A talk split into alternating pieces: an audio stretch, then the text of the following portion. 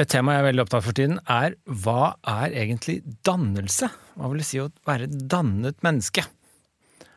Det skal vi snakke om i dag. Velkommen til Einar Duenger Bøhns filosofipod.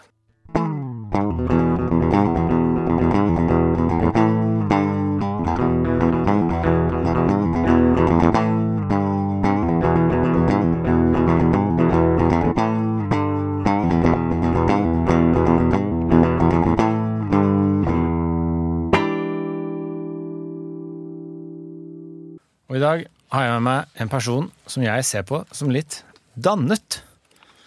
Nemlig Øde Neidrum. Fint at du er med. Ja, tusen takk.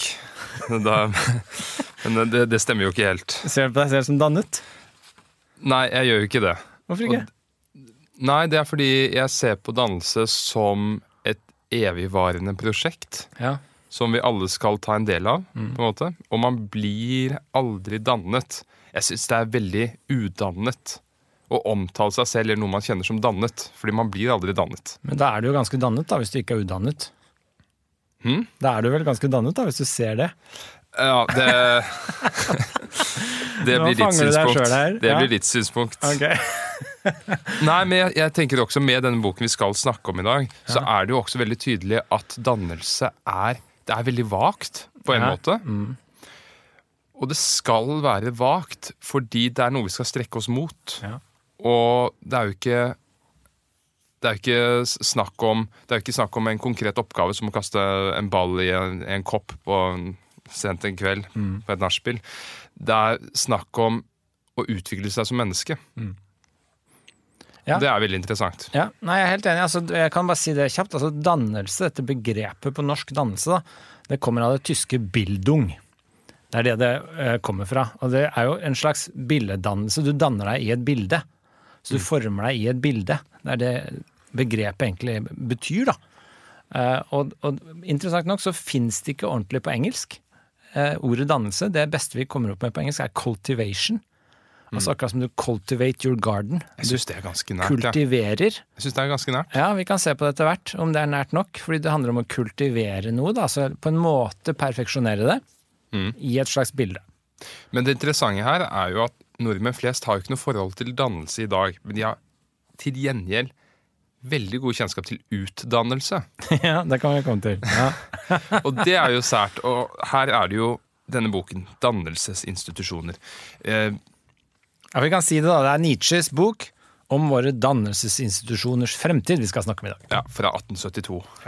Det er hans andre bok. Og så blir spørsmålet hvorfor ikke utdannelsesinstitusjoner? Og hvorfor har dette ordet utdannelse tatt over mer og mer? Og jeg har ikke fått undersøkt historien nok, men dette er slik jeg forstår det. Selvfølgelig kommer utdannelse fra dannelse, men utdannelse kommer fra at man reiser et sted, man reiser ut og tilnærmer seg kunnskap på et sted, og man blir uteksaminert. Ja. Så for at det skal være en utdannelse, så er det en slags eksamen hvor man blir ferdig og kommer ut som dannet. Ja, er du enig med den definisjonen? Ja, jeg tenker også litt sånn Jeg tenker at, jeg har jo heller ikke sjekka det, da. Jeg er dårlig på sånn research. Men poenget er at jeg tenker også det at utdannelse handler om at du, du kommer ut fra en institusjon som et dannet menneske. Så du, er, du, er, du, Ja. du kommer ut dannet. Og det er jo selvsagt bare tull. Fordi For det blir, det blir jo det blir jo veldig nei, men, det, nei, men altså, Man kommer ut som dannet innenfor et felt, kanskje. Altså, det, blir veldig, det blir en veldig snever definisjon. ja, vi skal se på det. Jeg Og jeg har, jeg har jo en venn som spøker med, med det ordet utdannelse, og sier at ja, det er for å få dannelsen ut. Det er når folk holder på med utdannelse i dag. Ja, ja. Vi skal komme til det, fordi jeg, jeg tror jo også at uh, utdanningsinstitusjonen i dag, da, de har forlatt det derre klassiske dannelsesbegrepet. Så det vi skal prøve på, i hvert fall, da, det er å få litt tak på hva, hva dette dannelsesbegrepet er og kan være, da. Hva som er positivt i det. Det er det jeg har lyst til. Ja, Og og, da begynner vi selvsagt med denne boken, som er kanskje den- en av de mest Altså, denne boken her er så konfronterende. Ja. For, for mennesker, for nordmenn spesielt, tror jeg, Ja. men, men også for meg. Ah, ja. Det er interessant. Så når vi er, Egentlig er dette krise. Fordi både du og jeg er jo tilhenger, tilhengere av dannelse. ja. Men denne boken kan skremme vekk ganske mange. Ja, jeg er enig i det. Jeg, men jeg elsker den boka her, da. Okay. Dette er en av mine favorittbøker fra Nietzsche. Ja. Ja. Ja, du, men du er jo naturlig drøy. Jeg bare spiller drøy. Jeg elsker den boka. her. Men det var en grunn til at jeg spurte deg om være med på denne boka. Mm. Fordi jeg ser jo som sagt på deg som litt sånn dannet. På en litt sånn interessant måte. Altså, du har eksempel valgt å snakke mer sånn riksmål. Mm. Det var, selv, det var et valg du tok, var det ikke det? Det var det. Ja, Du sier efter og nu og sånn. Mm. Eh, ikke, hva, kan du si hvorfor gjør du det? Jeg er bare litt interessert Ok, i forhold til danse. da. Er det et dansesprosjekt for ditt vedkommende, eller er det bare for å gjøre noe annet? Ok, jeg kan jo gå tilbake til da jeg begynte med det. Det er det ene spørsmålet jeg har, og så er jeg ett til etterpå. Ok. Ja. Eh, hvis jeg går tilbake til da jeg begynte med det, Mm. den litt sånn kjedelige, prosaiske historien, er at jeg flyttet til Larvik fra Island. Hvor gammel var du da? 12 Ja. eller 13. Og før det så hadde jeg snakket sånn typisk Oslo-mål. Mm. Jeg bodde på Uraneborg og Oslo og Løkka og Ja. Nå sa du Oslo først, og så Oslo etterpå. Ja, ja, fordi jeg snakket sånn. Jeg ja, sa. Oslo. Det var det som var poenget. Jeg sier det i dag. Ja. Um, og så flyttet jeg til Stavern, og da følte jeg meg ikke helt hjemme. Så jeg prøvde å tilpasse meg de innfødtes væremåter og deres mål. Så jeg begynte å snakke som dem, og det kjente jeg passet veldig dårlig. Ja. For der snakker de enda bredere. Hvordan snakker de i Stavern? Det varierer litt, men Er det sånn søl... nei. Nei. nei det er bredere form for Oslo-dialekt, Ah, ja. rett og slett. Så de snakker litt sånn som meg, eller? Litt sånn som meg? Nei, Nei. bredere. Ok. Det er en sosiolekt, og så er det kanskje et snev av dialektale former der også. Okay, ja. Men det er litt den eldre garde. Den yngre garde så er det bare bredere Oslo-mål. Ok, ja. Men det passet meg ikke så godt. Så da bestemte jeg vet du hva, jeg går motsatt vei. Istedenfor å tilpasse meg dem, så skal jeg Få dem til å tilpasse deg. Nei, det er det motsatte. nei men jeg tror dette her er en reaksjon som jeg tror mange mennesker har opplevd. Mm. At først så prøver man å tilpasse seg litt, så merker man at det ikke går. Så, man, så bestemmer man seg jeg skal faktisk gå den andre veien, fullstendig. Mm. Istedenfor å forminske forskjellene mellom meg og omverdenen, skal jeg maksimalisere dem.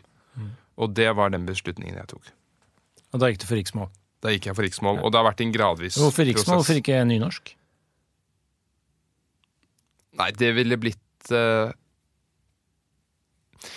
Det ville ikke blitt et eh, dannelsesprosjekt, kanskje. det var et Eh, sånn- det var jo litt sånn fordi jeg tok utgangspunkt i det jeg allerede hadde. Ja. Jeg snakket jo riksmål, men jeg snakket en bred, moderne form for riksmål. Så det var bare snakk om å finslipe det som allerede var der. Ja. Ikke nødvendigvis lære meg et nytt språk. Mm. ja, men det er bra. Og, og jeg, jeg holder på med dette fortsatt, så det nydelige jeg har gjort nå, er at jeg har sluttet Der, der kom det. Ja. Det er en vanlig språkfeil i moderne norsk at vi sier sj når det er SL. Ja. Sluttet. Slutt. Jeg sier det. Ja, alle gjør det. Så jeg prøver å gå over til å si sluttet. Ja. Sluttet. Men den er veldig hard. Ja. Det fine med Jeg digger jo riksmål, da. Jeg syns det er veldig vakkert. Eh, Jeg synes, Hvis jeg skulle hatt et sånn, et sånn, sånn I stedet for nynorsk, så ville jeg heller at vi skulle lære riksmål, liksom. Jeg syns riksmål er veldig fint. Og nu og efter og sånn er veldig sånn staselig og fint. Så jeg syns det er veldig fint. da, Mye finere enn nynorsk, egentlig, syns jeg. Ja, der er jeg ikke helt Hamsun, enig. å lese Hamsun syns jeg er finere, da, enn å lese Men, men her kommer vi litt tilbake til dannelse igjen. At om riksmål eller nynorsk er finest, og sånne, sånne type diskusjoner ja, Det blir litt vanskelig, fordi det går litt på preferanser og, og sånt. Men én ting skal jeg si helt sikkert, og det er at innenfor nynorsk og riksmål så er, finnes det muligheter for å perfeksjonere språket. Mm. Og uavhengig av språk så er alle språk vakrest når de er utøvd eller Mm. på en vakker måte. Og da kommer vi tilbake til dannelse. Ja. Det handler om å ta det som allerede eksisterer, og forfine det, eller forbedre det, for opphøye det. ikke sant? Veldig enig i akkurat det siste der. Og dette er jo et av liksom Nietzsches poenger også. Det er jo det, nettopp det at han mener jo dannelsen var Derfor jeg spurte han det her. For han mener jo at dannelsen begynner med morsmålet. Det begynner med det, det målet, språk, det språkformen du er opplært i, og så perfeksjonere den. Uh, og, og liksom bli bedre til å bruke det språket, da. Og få nyansene på plass der. Og dette er noe jeg har følt mye på de siste åra. Dette med at eh, jeg er jo oppdratt i akademia, ikke sant? akademisk, engelsk osv. Og, så og da blir morsmålet helt borte. Mm. Eh, også i faget. Eh, og derfor er jeg veldig fascinert av det her også. Det der å perfeksjonere morsmålet sitt, fordi det er jo morsmålet sitt man kan best. Man Ja. har beste assosiasjoner, man har flere assosiasjoner, nyanser, humor. Alt sitter mye bedre, samme hvor god man blir i engelsk, sånn sekundært lært opp. Så har du en helt annen sånn kulturelt feste i morsmålet ditt. Og det er jo også ganske rasjonelt, da. At man begynner med å forfine det man allerede kan. Ja, det mener jeg òg. Og det er litt rart da, når man blir veldig sånn oppdratt i engelsk, som liksom Det, skal være mer stas å snakke engelsk enn morsmål. Det syns jeg er litt Det er noe rart der. Det er noe sånn, litt sånn antidannelse over det. Mm. Sånn som vi skal se på det i dag. Så det var litt derfor jeg var interessert i det. Derfor det er også naturlig jeg tror for deg å begynne med riksmålet heller enn nynorsken. For nynorsken er jo en konstruert språk. Det er jo ikke noe du snakker opprinnelig. Mm, den er litt vanskelig. Eh, Det kan vi snakke mer om. Men, men jeg ville sagt en ting, og det er at når man går over til engelsk, som så mange gjør, så jeg har ikke lyst til å anklage de som går over til engelske uttrykk, for jeg har hørt at mange sier at de kommer oppriktig ikke på det norske uttrykket for noe. Av og til fordi de glemmer det norske uttrykk, bokstavelig talt, men av og til fordi de føler at det norske uttrykket de kan, ikke treffer den følelsen eller den tanken de har lyst til å uttrykke. Og det er fordi den forrige generasjonen og generasjonen før den har vært for dårlige til å bruke det norske språket. Er helt enig. Og da læres man opp. Man får kanskje et ordforråd på 1500 ord, eller noe sånt, og man lever et liv. Og man opplever plutselig kompliserte følelser i en voksen alder som man ikke har ord på. Så kanskje man finner et engelsk ord på det, fordi engelske mennesker eller utlendinger er jo mye flinkere til å snakke om ting generelt enn nordmenn. Ja. Jeg er helt enig. Altså, akkurat den opplevelsen hadde jeg når jeg bodde i USA. Jeg bodde i USA i fem-seks år. Og da var det opplært i fagengelsk, snakka engelsk på jobb hele tiden, og kom tilbake til Oslo og snakka engelsk i lunsjen på Blindern. ikke sant? Altså, var, alt var engelsk. Og da ble jo morsmålet mer og mer svekket. Og da ble det sånn til slutt, etter fem år i USA, at du leita etter det norske ordet for noe som satt ganske kjapt på engelsk. Mm. Men det er noe litt sånn oppkonstruert og kunstig over det, syns jeg da. Litt sånn, litt sånn, jeg følte etter hvert at det ble sånn lite autentisk. Hvorfor kunne jeg ikke finne det norske ordet som var hjertet mitt nærmest? Ja. Jeg bare ble lært av andre. Og så satt jeg der, som du sa, liksom, man plutselig ikke fant det norske ordet. Det blir noe sånn hemmende over det. Jeg følte jeg ble sånn Ja. middelmådig norsk og middelmådig engelsk i stedet for veldig god i norsk. Og Så så det ble det en sånn antidans over det, Så da. er det også, jeg husker ikke om det var min søster, en av mine søstre som nevnte det, at, at hun går over til engelsk veldig ofte når det er snakk om følelser. Ja. At hun finner frem til de norske ordene på mange faktiske fysiske ting, mens følelser, der er det vanskelig. Mm. Og det er nok fordi nordmenn er veldig dårlige på å snakke på, om følelser. Eh, Men, men altså, nå tenker jeg veldig, veldig bredt. Altså ikke bare følelser, men sosial omgang generelt. Ja. Ord om ord som omhandler relasjonene mellom mennesker. Der tyr folk til engelske uttrykk. Ja. Nei, det er veldig interessant. Jeg er helt enig. Og dette er også det finnes så mange flotte norske uttrykk som ikke brukes. Men jeg tror det er litt sånn konvensjoner nå, tror du ikke det? Altså, Vi er ikke så vant til å snakke følelser, som du sa på norsk. Altså, også Ja. En annen komponent er at det er lettere å uttrykke en følelse på engelsk. Det merka jeg også når jeg bodde i USA, at det er lettere å uttrykke litt sånn følelser på engelsk fordi jeg er litt distansert fra språket. Mm. Slik at det er lettere da å snakke i tredjeperson nesten om seg selv og si 'Einar, føler du sånn og sånn?' Du føler det litt sånn, da, i stedet for å inderlig og nærlig snakke med noen du kjenner veldig godt om en dyp følelse på norsk. Det blir mye nærmere. Og dermed vanskeligere. Ja, og det blir mye mer eh, Holdt jeg på å si corny? Det blir mye mer phony. ja, nei, men det er interessant. Så, eh, så du perfeksjonerer morsmålet ditt. Det er enden på visa her.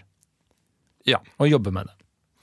Ja, men, det, men det, er et, det er et type dansesprosjekt som foregår i bakgrunnen hele tiden. Ja. Det er ikke veldig aktivt. Nei. Og så blir det en vane etter hvert. Nu efter og sånn sier du hele tiden. Er det noen ord du sliter med, som du glipper på? Svitt, Eh. som du faller tilbake på gamle vaner? Eller er det blitt Ja, en vane? akkurat den SL-lyden. Ja, SL-en. Fordi det er ganske nylig. nylig. Mens når det gjelder efter, Ja. så glipper jeg ikke. Selv om mange mennesker tror det. Uh, Mm. Det har hendt at jeg har sagt etter uh, fordi har sømmet seg. For eksempel da jeg spilte i dette teaterstykket for to år siden, Ja. så sa jeg etter. Ja. Men da måtte jeg virkelig konsentrere meg om å si etter. ja. Nei, det, var, ja. det er veldig interessant, faktisk, hele greia. Og så er det o- o- også i det moderne norske språket er det noen feil som har oppstått i fornorskningsprosessen fra dansken. Mm. Jeg kommer ikke på et konkret eksempel umiddelbart, men det er noen steder hvor man plutselig ender opp med å si det, det på rad. Ja, Og det skjer ikke på dansk. Det er det det handler om. Det er det det handler om. Ja. Det ville ikke skjedd på dansk. Hva sier de der? Det er det det handler om. Uh, de ville sagt um, Det er det der handler om, kanskje. Ja, De ville sagt der der, i alle fall. Det, det. Ja, nei, jeg opplever det rett som det er, at det blir det, det. Og det er veldig ulekkert med det, det. Ja, og så er det noen steder det blir tre s-er. Det er også litt sånn forbudt. Nå kommer jeg ikke på et eksempel, men i et ord plutselig ender opp med tre s-er. Det skal man heller ikke Å ja, med to ord som settes sammen. Ja. Ja. Det skal man heller ikke gjøre. ja. Nei, men det er interessant. Så ditt eh, begynnelsen på et slags danseprosjekt er liksom å perfeksjonere morsmålet. Ja, og det, jeg syns Nietzsche sier det veldig godt i denne boken. Mm. At målet er å si noe så tydelig som mulig. Ja. Men, ja, men jeg tenker også liksom tydelig, men også Altså, når, når jeg sier at jeg kjenner norsk bedre enn engelsk, selv om jeg er ganske god i engelsk etter mange år med sånn faglig opptrening, så kjenner jeg det norske mye bedre. Og det handler jo om at det er en lengre historie med flere assosiasjoner og flere nyanser med innhold i hvert begrep. Slik at det, du, du blir mer Det blir egentlig mer nyansert når du begynner å jobbe med det. For min opplevelse av engelsk er at jeg kan finne et engelsk uttrykk for en følelse, eksempel, men er faktisk i tvil om jeg har så god forståelse av det begrepet som det jeg tror jeg har, da. Mm. Fordi det er tillært senere, i voksen alder. Det er ikke noe som liksom har vært med meg gjennom en hel historie. Mm. Ja, det blir jo det på prinsippet med at store byer bygges over tid. Ja, Hvis du prøver å bygge en flott by, hvis du finner en ødemark og du bestemmer her skal vi bygge en flott by, sånn som Brasilia i Brasil, ja. så blir det ikke bra. Det Det er, så, det er tusenvis av ting man ikke tenker over, som er nedarvet, som ligger i språket vårt, som gjør at du og jeg forstår norsk på en helt sånn intuitiv måte. Så vi, vi, vi kan aldri oppleve det samme engelsk. ja, ja, men det er bra. Nå er vi inne på liksom første skritt i Nietzscheansk dannelse her. Det er Mm. morsmålet. Jobb med morsmålet sitt. Ja. Eh, Er det noe mer du vil si om morsmålet før vi, jeg stiller deg neste spørsmål? Jeg har ett spørsmål til før vi begynner Ja, boka. nei, Still neste spørsmål. Fordi jeg mener, husker jeg, altså Eller bare en ting til først. Vi snakka en gang om at, det, du, at det, Litt relatert til det her, at det, engelsk ikke funka så godt. Du sa til og med en gang at engelsk det ikke kan si noe lurt på engelsk. Står det for det fortsatt, eller er det moderert? det? Altså, Dette blir vanskelig, fordi jeg vet ikke i hvilken kontekst dette her ble sagt. Og Jeg vet ikke om det er en sånn promillemåling her heller på utsegnet, Men, men det jeg husker jeg har sagt, er at engelsk er et veldig dårlig språk når det kommer til diktning, lyrikk. Du syns ikke Shakespeare er noe særlig? Jo, Shakespeare er eh, fantastisk, Ja. men det han måtte arbeide med, det var dårlig, dårlig verktøy. Ja. Jeg syns de, de skandinaviske språkene er mye bedre for diktning. Ja, ja. Og det har litt med at det er så mange ord som rimer på hverandre. Og du kan variere så veldig med um, Altså, det Søren. det- Nå går det litt i tåken for Men meg, er de ordene. Men du kan variere med setnings... uh, hvordan du setter opp setningen osv. Ja. På tysk er det en av de verste når det kommer til det. Du kan, det finnes ikke rom for variasjon. Men altså, det er jo, man sier jo at sangtekster er lettere på engelsk enn norsk. Ja, folk i dag synes nok det. Det rimer lettere. Nei, de gjør ikke det. Nei. Det er flere ord som rimer på hverandre på dansk. Og så er jo dansk mye rikere enn engelsk. Det danske ordlisten er på ca. 1 million ord, mens den engelske er på 500 000. Mm. Så det jeg har sett på engelsk lyrikk, er at et virkemiddel som ofte blir brukt, er bokstavrim, Mm. og også at man gjentar ord. Og det er et virkemiddel som bruker, tror jeg, fordi de sliter med å lage enderim. Mm. Og det er enderim jeg mener er uheldig på engelsk. Det er Ja. vanskelig. Ok, ja, men det er interessant. Men hva du sikter til med at engelsk er dårlig sånn Nei, jeg tror det var i forbindelse med at vi skrev i boka til faren din, og så måtte vi skrive på engelsk plutselig. Oh, ja. Vi begynte på norsk, tror jeg. Og så ble det avgjort at boka skulle være på engelsk. Og så, når jeg snakka med deg, så, sa du, så skrev jeg liksom uff, det er noe herk, for der fins det ikke dannelse, ordet for dannelse, som så fins ikke, og jeg brukte det ordet. Ja. på engelsk, og så skrev, sa du noe sånt som ja, nei, engelsk og kan jo uttrykke Ja, ja, intelligente tanker i engelsk. Ja, nå husker jeg det. Ja, men det, det er min personlige mening, men jeg har ikke så mange gode argumenter for å understøtte det. Nei, ok. Eh, annet enn at jeg kan si én ting, da. Og det er at nesten alle disse kompliserte ordene som brukes av akademikere og sånt i USA, er jo blitt laget av akademikere. De er blitt laget på Cambridge og i Oxford. De har tatt et fenomen, og så har de funnet et latinsk ord, og så har man laget et engelsk uttrykk. De har ikke en så lang historie. Vel, nå skal det sies at halvparten av det engelske språket har en lang historie, men den andre halvparten er konstruert. Ja, det er også noen eh, lingvistiske teorier som tilsier at engelsk er veldig stor grad kommer fra nordisk. Kommer fra Norrøn. Ja, men det er jo den delen av engelsk som har en lang historie. Det er en bra del. Ja. ok, skjønner. Men altså, alle disse, alle disse ordene som kommer på 1800-tallet, som er laget på Cambridge og sånn, sånn som vegetarian, Ja. det, det, det har ingen bakgrunn, og det har ingen kulturell historie før den ble skapt på 1840-50-tallet. Okay. Eller hva det var for noe. Ok. Og jeg, synes at eh, språket bærer preg av det. Ja. Og så er jo på norsk det er jo så fantastisk at du kan sette sammen ord. Ja, det liker jeg også. Altså, den derre å sette sammen et, flere ord til ett langt ord, den er veldig unik på norsk. Den liker jeg også mer men det og er mer. nettopp det at I engelsk, England så trenger du faktisk eh, akademikere til å lage nye ord. Du har ikke det fenomenet at et nytt ord kan oppstå på gaten. på samme måte. Orddelingsfeil er jo veldig morsomt. da, Sånne der memes som finner orddelingsfeil, som er gjort eh, på plakater på restauranter og rundt omkring i landet, er veldig morsomt. da. Det er mange orddelingsfeil som får fatale konsekvenser. Ja. Skal jeg fortelle deg en veldig morsom en? Ja. Jeg tror den ble kåra til en eller annen sånn veldig vinner av en sånn Finn-annonse.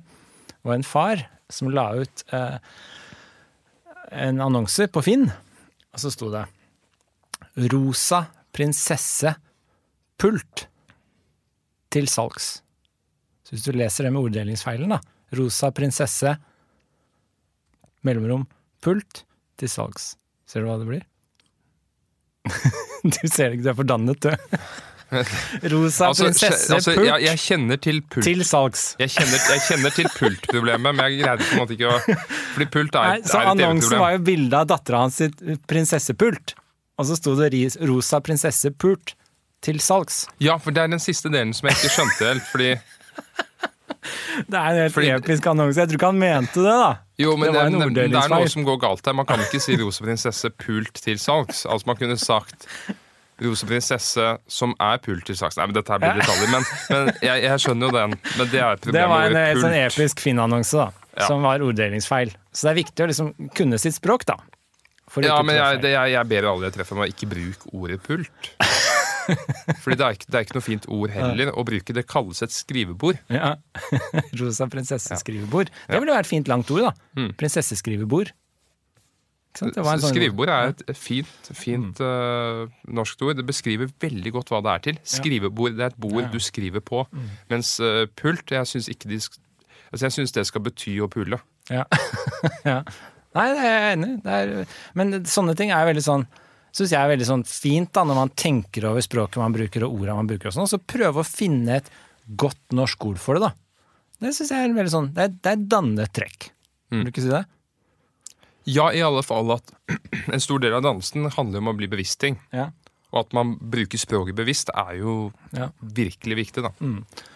Jeg har, eh, fordi jeg har jo tre barn i Oslo-skolen som går på Nå går de på ungdomsskolen og videregående, da, men de er jo opp gjennom åra, fra barneskolen og ungdomsskolen, så får de sånne skoleplaner, timeplaner, og så får de jo Disse er jo laget av blant annet norsklæreren, da.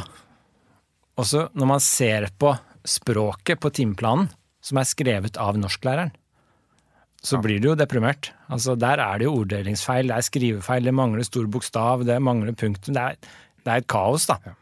Blir det ekstra, ekstra komisk å tenke på at partiet Venstre vil at lærere skal bli en beskyttet tittel nå, Ja, leste jeg. ja, jeg. Og er det så mye å beskytte?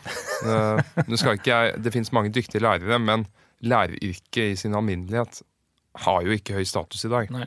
De, Jeg leste at det var bare prester som hadde like lav status som før hadde hatt høy. Det, altså yrker som hadde veldig høy status før, som har falt veldig, Ja. så var lærere og prester hadde hatt det største fallet. og det at lærere og sykepleiere f.eks. står på samme rangstige i dag, både i anseelse og i lønn. Du snakker om grunnskolelærere. Mm. Det sier litt om utviklingen.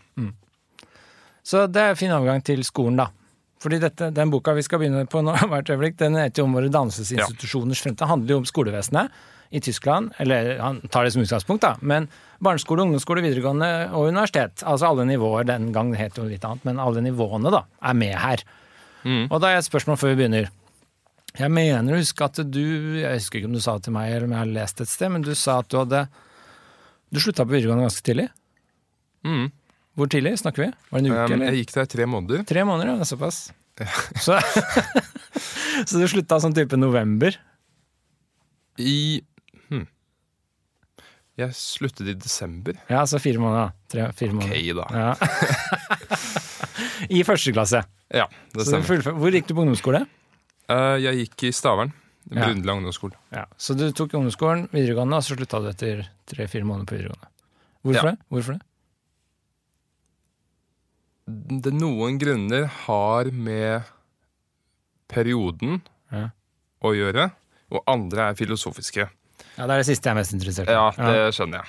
Det, det er, du er jo ikke en ukebladjournalist. Nei, det er jeg ikke veldig interessert, for å være helt ærlig. Det var litt slemt sagt. Jeg er kjempeinteressert i det. Bare si- fortell det hvis du føler kan- for det. Ja. Men, Uh, nei, den, jeg kan si en litt sånn personlig årsak er at jeg opplevde ikke at gymnaset var noe forskjell annerledes fra ungdomsskolen. Nei. Jeg opplevde bare at det var det samme. Og jeg opplevde ikke at det var noe vits for meg å gå der annet enn at de videre trinnene måtte se at jeg hadde gått der. Så du følte egentlig ikke at du lærte så mye der? Nei, jeg lærte ingenting. Jeg lærte ingenting. Hvis du hadde vært lenger enn tre måneder, da tror du du hadde lært noe? Det kan hende. Det kan hende. Men, Ja. men jeg var litt på utkikk etter muligheter for å ta det Ta det selv på egen hånd Mm. fort. Men der ble jeg møtt med motstand. Ja. Så da droppet jeg liksom godt bare alt. Mm. Fordi hvis du går til skolen og spør om du kan fullføre alle eksamener i løpet av et halvt år, så blir du rådet imot det. Mm. Og du har ikke så mye du skulle sagt i den alderen. Iallfall følte jeg på det, fordi jeg har jo ikke noen autoritet. Mm. Så da ble det slik eh, Du da? Hvordan opplevde du videregående? Nei, altså jeg uh, syns ungdomsskolen var ganske fælt, egentlig. Jeg var ikke noen sånn fan av ungdomsskolen. Men eh, videregående så jeg var litt mer befriende, for jeg var jo interess... Eller jeg var, jeg var jo ikke veldig Altså, jeg gjorde ikke lekser, jeg var veldig sånn rotete på skolen, da. Men jeg opplevde at når det kom på ungdomsskolen, så, så, så det, begynte jeg på det som et allmennfag, ikke sant. Det er, som er studie, vanlig, jeg vet ikke hva det heter nå, ja, men Rørus, da. Mm. Begynte på vanlig allmennfag, og da valgte man jo litt fag sjøl, og det, det ble liksom mer, litt mer spissa enn ungdomsskolen, opplevde jeg det som, da. Noe som Ja. Som passa meg litt bedre. Altså, Altså, er det ikke det som kalles studieforberedende? Jeg husker ikke hva det heter. Ja, men altså man, eh, det ble litt mer spissa, så du kunne liksom gjøre litt mer av det du var interessert for i. Men jeg, var ikke, jeg ble ikke noe sånn veldig tent av videregående, jeg heller. Det er derfor jeg er så fascinert når du forteller at du slutta, fordi Ja, men jeg, så det også jeg det at, kunne fort ha slutta.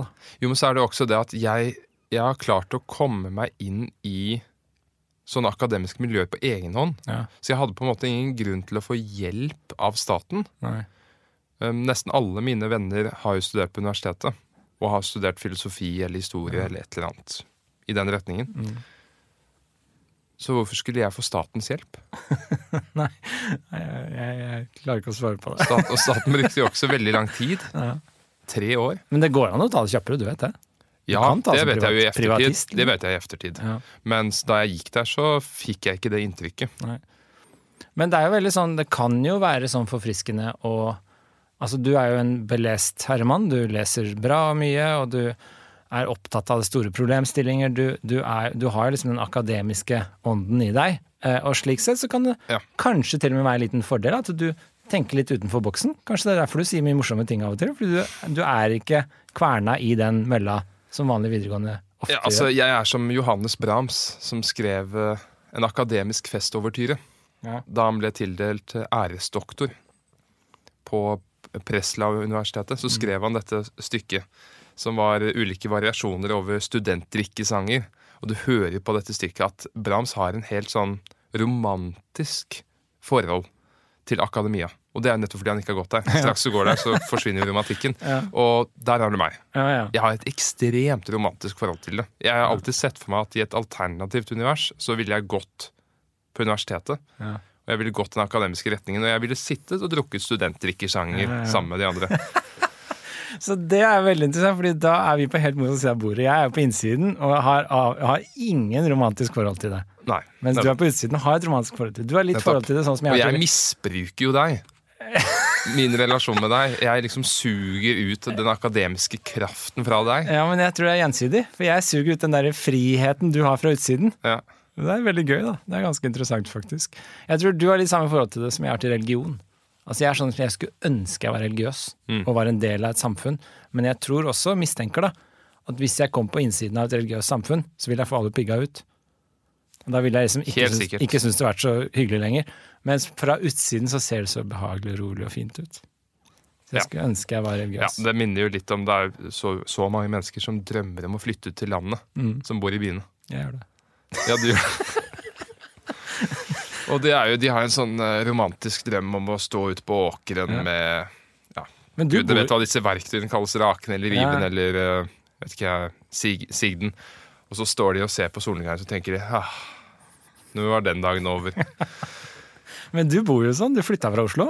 Ja, øh, i alle fall øh, i månedene fremover. Ja, men jeg, jeg, jeg flytter jo frem og tilbake. Ah, ja, okay. Så bor- Så du bor i Oslo nå, eller ikke? nei, nei, jeg bor, bor i Stavern. Så jeg, jeg opplever jo det. Jeg opplever jo den agrarfascistiske drømmen akkurat nå. Ja. Og kjenner jeg lengter litt bak til byen akkurat Ja, nå. altså Det dras frem og tilbake hele tiden? Ja, det er sånn Dr. Jekyll og Mr. Hyde-problem, bare Ja. med landet og byen. Ja, jeg har det helt likt, faktisk. Jeg vokste jo opp på landet, ikke sant. Og jeg tror nok at idealet er som den gamle overklassen i Norge. Helt enig. De, de bodde utenfor byene, men de dro ofte inn til byene. Ja, Eller at du hadde en leilighet i byen, og så har du et landsted som er maks en time fra byen. Og så kan du reise mellom. Så du kan være hvor du vil. I helgene på landet, ikke sant. Og så er du inne i byen og jobber i ukedagene. Eller omvendt. Og så, Og sånn begynner det å bli mer og mer nå. Ja. Jeg har hørt at uh, veldig mange velstående mennesker i Norge skaffer seg hyt, hytte i Gåstein Ja. i byen. Altså, og mens folk flest, de besøker Syden. ja. Det er jo de som er blitt lurt. Det er ikke det som er bra, å besøke Syden. Det som er bra, er å ha land og by Ja. hele tiden. ja. Jeg er enig. Det er idealet.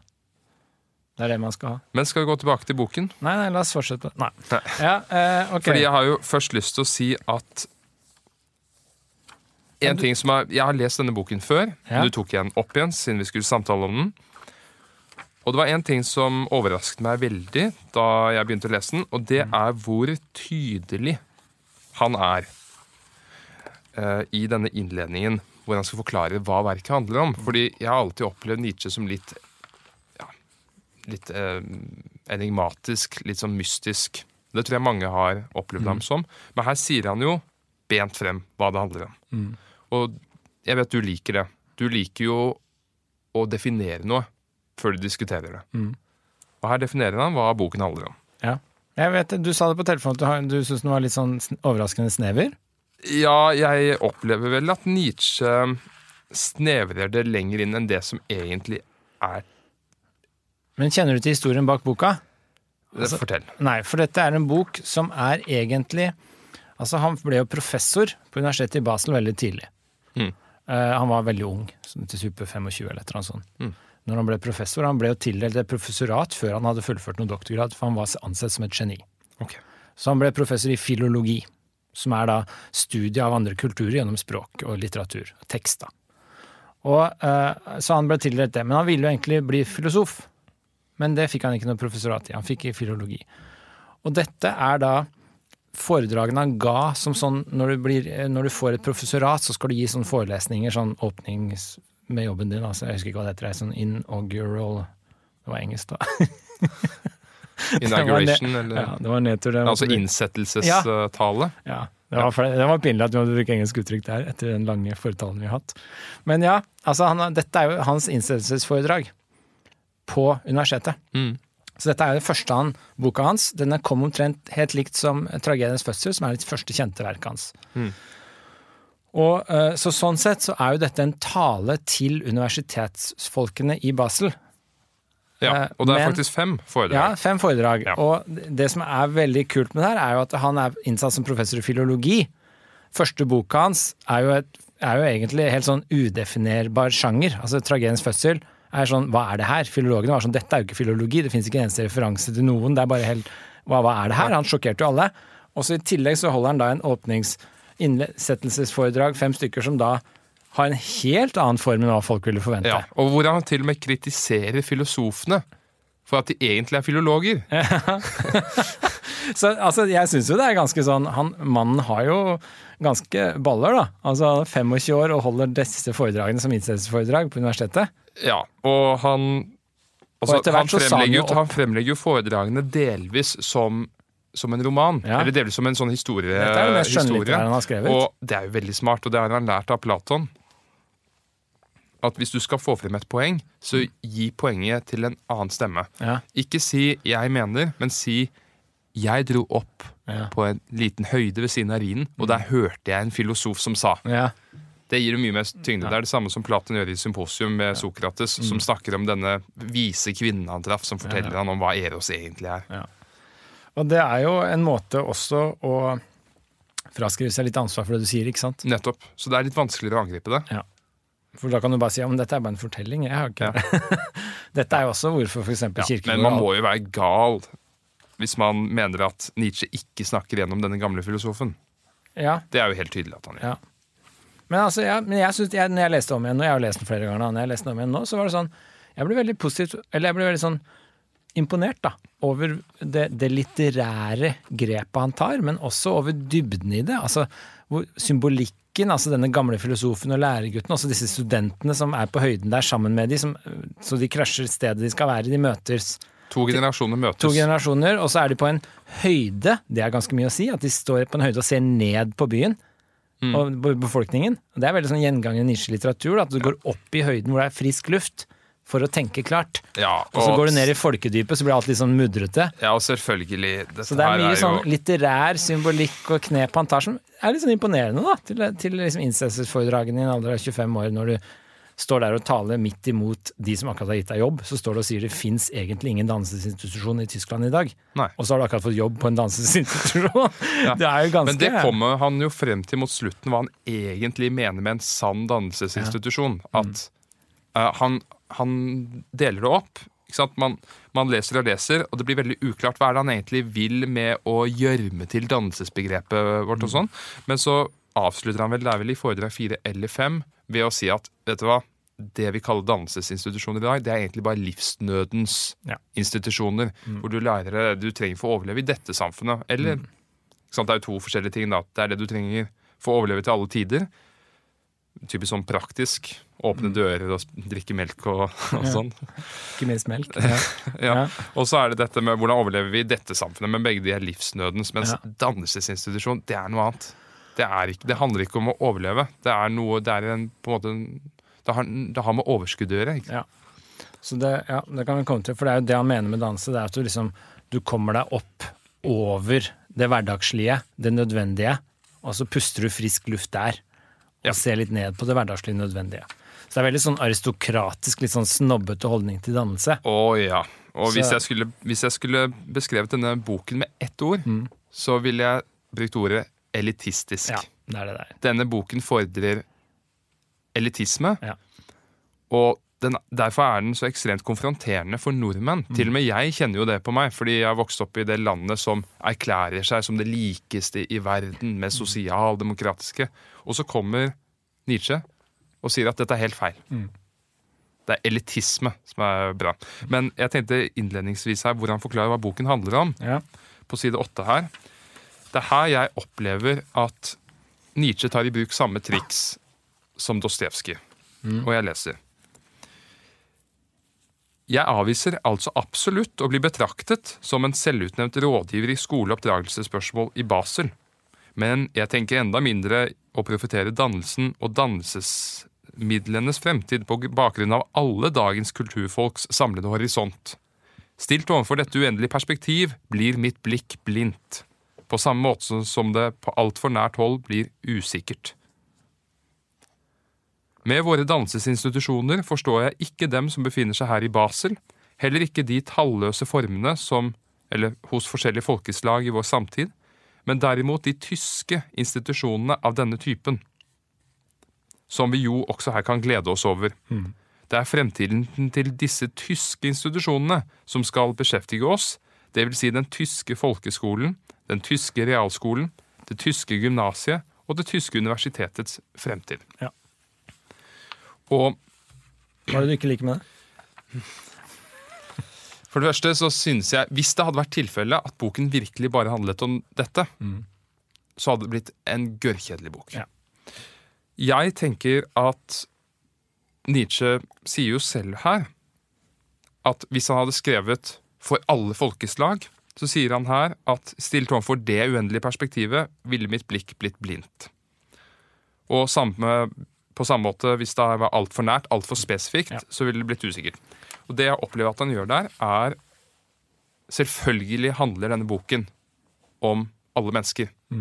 Men han drar det ned til det tyske for å få, for å få en horisont. Ja. Så at man, han ikke snakker om det som er bak horisonten. Men jeg opplever at i denne boken, når Nietzsche beskriver det tyske, så bruker han samme grep som når Dostojevskij beskriver russeren. For når Dostojevskij i sine romaner sier 'russeren', jeg vet ikke om du har, lagt merke til det? Ja, slik er russeren. Ja. Russeren er umettelig. Ja. Russeren er lidenskapelig og alle disse tingene. Så snakker jo Dostojevskij egentlig om mennesket. Det er bare at han bringer det ned til en målestokk. Ja. Og hva som er virkningene, hva som er poenget med det, det er litt mystisk for meg. Ja. Nei, jeg tror det egentlig er en genistrek å gjøre akkurat det. fordi hvis han skulle Det er helt uhåndterlig, og vi klarer ikke å liksom fange det. Hvis vi skulle snakke om mennesker generelt, så hadde det blitt altfor abstrakt for oss å henge med. Mm. Men hvis vi hadde bare snakka om liksom de konkrete tyskerne rundt deg i Basel, med navn og alt, da blir det altfor konkret. Så du må finne den balansegangen. Og da tar du liksom tak i det du kjenner til, f.eks. ty tyske institusjonene for Nietzsche, Mm. og så sier du noe om hva du er uenig og enig med der. Og så er det ment som en sånn generell ball du kaster ut og sier 'sjekk her, dette gjelder også'. Mer generelt. Selvfølgelig gjør det det. Og Det er jo veldig sånn naturlig tiden, og håndterlig måte å gjøre det på, da. Det er også litt tiden. 1800-tallet var jo grunnleggelsen av nasjonenes tid. Ja. Alle disse små bystatene ble jo nedlagt og overtatt av Prøysen ekspanderte. Det ble til Stor-Tyskland. Ja, og det norske skolevesenet er jo tatt utgangspunkt i det tyske. Ja, i Prøysen. Ja. Så at det, er jo, det han snakker om her, er jo, sånn jeg leser det, helt sånn tidløst om dannelse i utdanningsvesenet, også i Norge i dag. Absolutt. Ja. Absolutt. Og han mener ikke finnes noen dannelsesinstitusjoner i Tyskland på sin tid. Noen Sanne sanne, dan- dannelsesinstitusjoner. Det er egentlig bare litt sånn maskineri for å få gjennom noen instrumentelle behov. Mm. Og, og litt den følelsen har jeg i det norske utdanningsvesenet i dag. Så, så jeg, jeg leser det veldig sånn. Jeg syns den er ekstremt aktuell, ja, den boka her. Og derfor overrasker det meg at dette er kanskje en av Nietzsches minst kjente bøker. Ja, det er Du sliter med å finne engelske oversettelser av den, f.eks. Altså den, den her er ikke en veldig sånn I Nietzsche-forskning, da, så er det ikke den her de diskuterer. Men apropos hans elitistiske fordringer, så i innledningen til denne boken så skriver han jo ikke bare hva den skal omhandle, men han skriver også hvem som skal lese den. Ja, Det er litt morsomt. ja hva sier han? Side 12. Ja, Den leseren som jeg forventer noe av, må ha tre egenskaper. ja, ja. Han må være rolig og lese uten hast. Han må ikke alltid legge seg selv og sin egen i gåstein, dannelse imellom. Endelig må han ikke ved slutten av foredraget forvente tabeller som resultat. Jeg hopper til side 13. Boken er tiltenkt rolige lesere. Mennesker som ennå ikke har latt seg rive med av vår tidsalders svimlende hastverk. Og som ennå ikke opplever en følelse av avgudsfrom nydelse ved å bli malt i stykker av dens hjul. Altså, han er jo poetiker, da. Han er jo en skribent av rang. Det vil si et fåtall. Denne boken er altså for et fåtall. ja, ja. Det sier han i nesten alle bøkene sine. Disse menneskene kan ikke venne seg til å måle enhver tings verdi i tidsbesparelse eller tidssløsing. De har fortsatt tid. De kan, uten å få dårlig samvittighet, tillate seg å velge ut og sanke sammen dagens gode stunder og sine fruktbare og kraftfulle øyeblikk for å tenke over vår dannelses fremtid. Det har jo vi tatt oss tid til i dag. Ja. Så Ja. for, fornøyd Men hva den. tror du han hadde tenkt om samtiden vår, når han syntes det var travelt på 1870-tallet? Hva tror du han hadde tenkt i dag? Hvor ting går da rimelig mye fortere. Han klagde jo på telegrafen, for han syntes det ble så stressende når informasjon kom med telegrafen. Vet du hva? Det kan hende at han hadde endt opp på et sinnssykehus i dag. Ja, det tror jeg. Han gjorde det den gang også. Ja, men tidligere. Ja, ja. Det hadde gått fortere. Han hadde blitt plukka opp av PP-tjenesten eller et eller annet på barneskolen. Mm. Han hadde aldri kommet seg gjennom systemet. Men den tredje. Du leste ikke det tredje? Nederst på side 13. Ja, Det tredje og viktigste kravet er at han ikke i noe tilfelle må stille opp seg selv og sin egen dannelse som en sikker målestokk og et absolutt kriterium. Sli, slik, det er, slik det er det moderne mennesket vane å gjøre. Ja. Det kommer han jo til i siste foredrag Mm. tilbake til. Vi ønsker derimot at han er dannet nok til å tenke dårlig, ja, foraktelig, om sin egen dannelse. Altså Dette handler om at det er en slags prosess, da, så du må ikke komme inn ferdig fiksa og tro at liksom det, Så han er rett og slett imot utdannelse. Ja, i hvert fall sånn det står her. Ja. Vi kan jo få litt sånn feeling på hva slags utdannelse han ville sett for seg senere. Da. Jeg har en liten formening om det. Hvordan en sånn ideell dannelsesinstitusjon skulle sett ut. da. For det er det det er egentlig den skolen jeg har lyst til å starte, da. så det kan vi komme tilbake til. Det har vi snakka litt om utenfor okay. denne podkasten. Men, Ja. ja. Men det var innledningen. Eh, Litt sånn der hva slags leser han vil ha, og hva den skal handle om. Og så er det da altså, bare sånn at eh, lytterne er litt med på strukturen her, da. Så er det fem foredrag. Den er skrevet i litt sånn skjønnlitterær form. altså Det er en fortelling om en gruppe studenter som skal ha en sånn samling, sånn årlig samling. Så kommer de på et sted opp en høydedrag. De skal ha en fest, da. Så kommer de på et høydedrag, og der møter de en filosof og hans lærervenn. Eh, og så krasjer de på stedet der, liksom. Altså, de skal ha fest, men de skal ha en samtale, og så blir det litt sånn Ja, det går ikke an. Og så begynner filosofen og han vennen, lærervennen å snakke, og så begynner de å høre. Og så blir de sittende og høre på dem.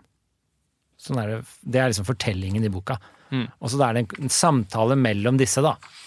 Eh, og så står de oppe på et høydedrag og ser ned på byen, og så er det litt sånn symbolikk og sånn. Men det er liksom den litterære strukturen på boka, da. Ja. For de som ikke har lest den. Det regner jeg med ikke er så mange.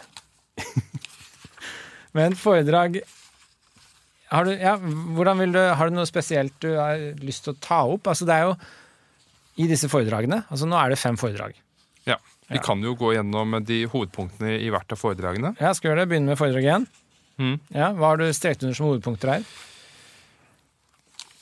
Eller skal jeg gjøre det? Ja. Jeg har eh, Jeg tenker at hovedbudskapet i det første foredraget, Mm. som er fremlagt av denne filosofen, er for det første at dannelse er for de få, Ja. ikke mange. Mm. Og at dannelsen forringes av spesialisering.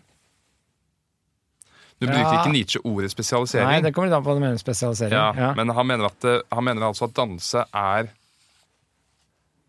mer universelt enn å lære seg én ting, da, Ja. for å si det på den måten. Mm, du må og at, og over, overfokuset Ja. på å utdanne mennesker innenfor visse felt, Mm. det, det er bare for at staten skal få maskin, maskineriet i gang, og det har ikke noe med sann dannelse å gjøre. Nei. Så hvis du f.eks. utdanner deg innen et naturvitenskapelig fag og blir fysiker, så har det ingenting med dannelse å gjøre for Nietzsche. Nettopp. Naturvitenskap generelt har egentlig ingenting med dannelse for Nietzsche. Og så er det kanskje det mest sjokkerende i første foredrag, er avslutningen. Hva går den ut på? Det skal jeg lese om, du. Ja. Jeg liker at du syns det var sjokkerende. Det er veldig Ja. bra. Det er veldig Ja. bra. Nå, si meg, min utmerkede mester, hva slags forhåpninger jeg kan gjøre meg i kampen mot denne fordreiningen av alle egentlige dannelsesbestrebelser. Hva slags mot burde jeg, en enkelt lærer, utvise, når jeg jo vet hvordan den sanne dannelsen såkorn straks blir malt i stykker av saudodannelsens skånseløse valse.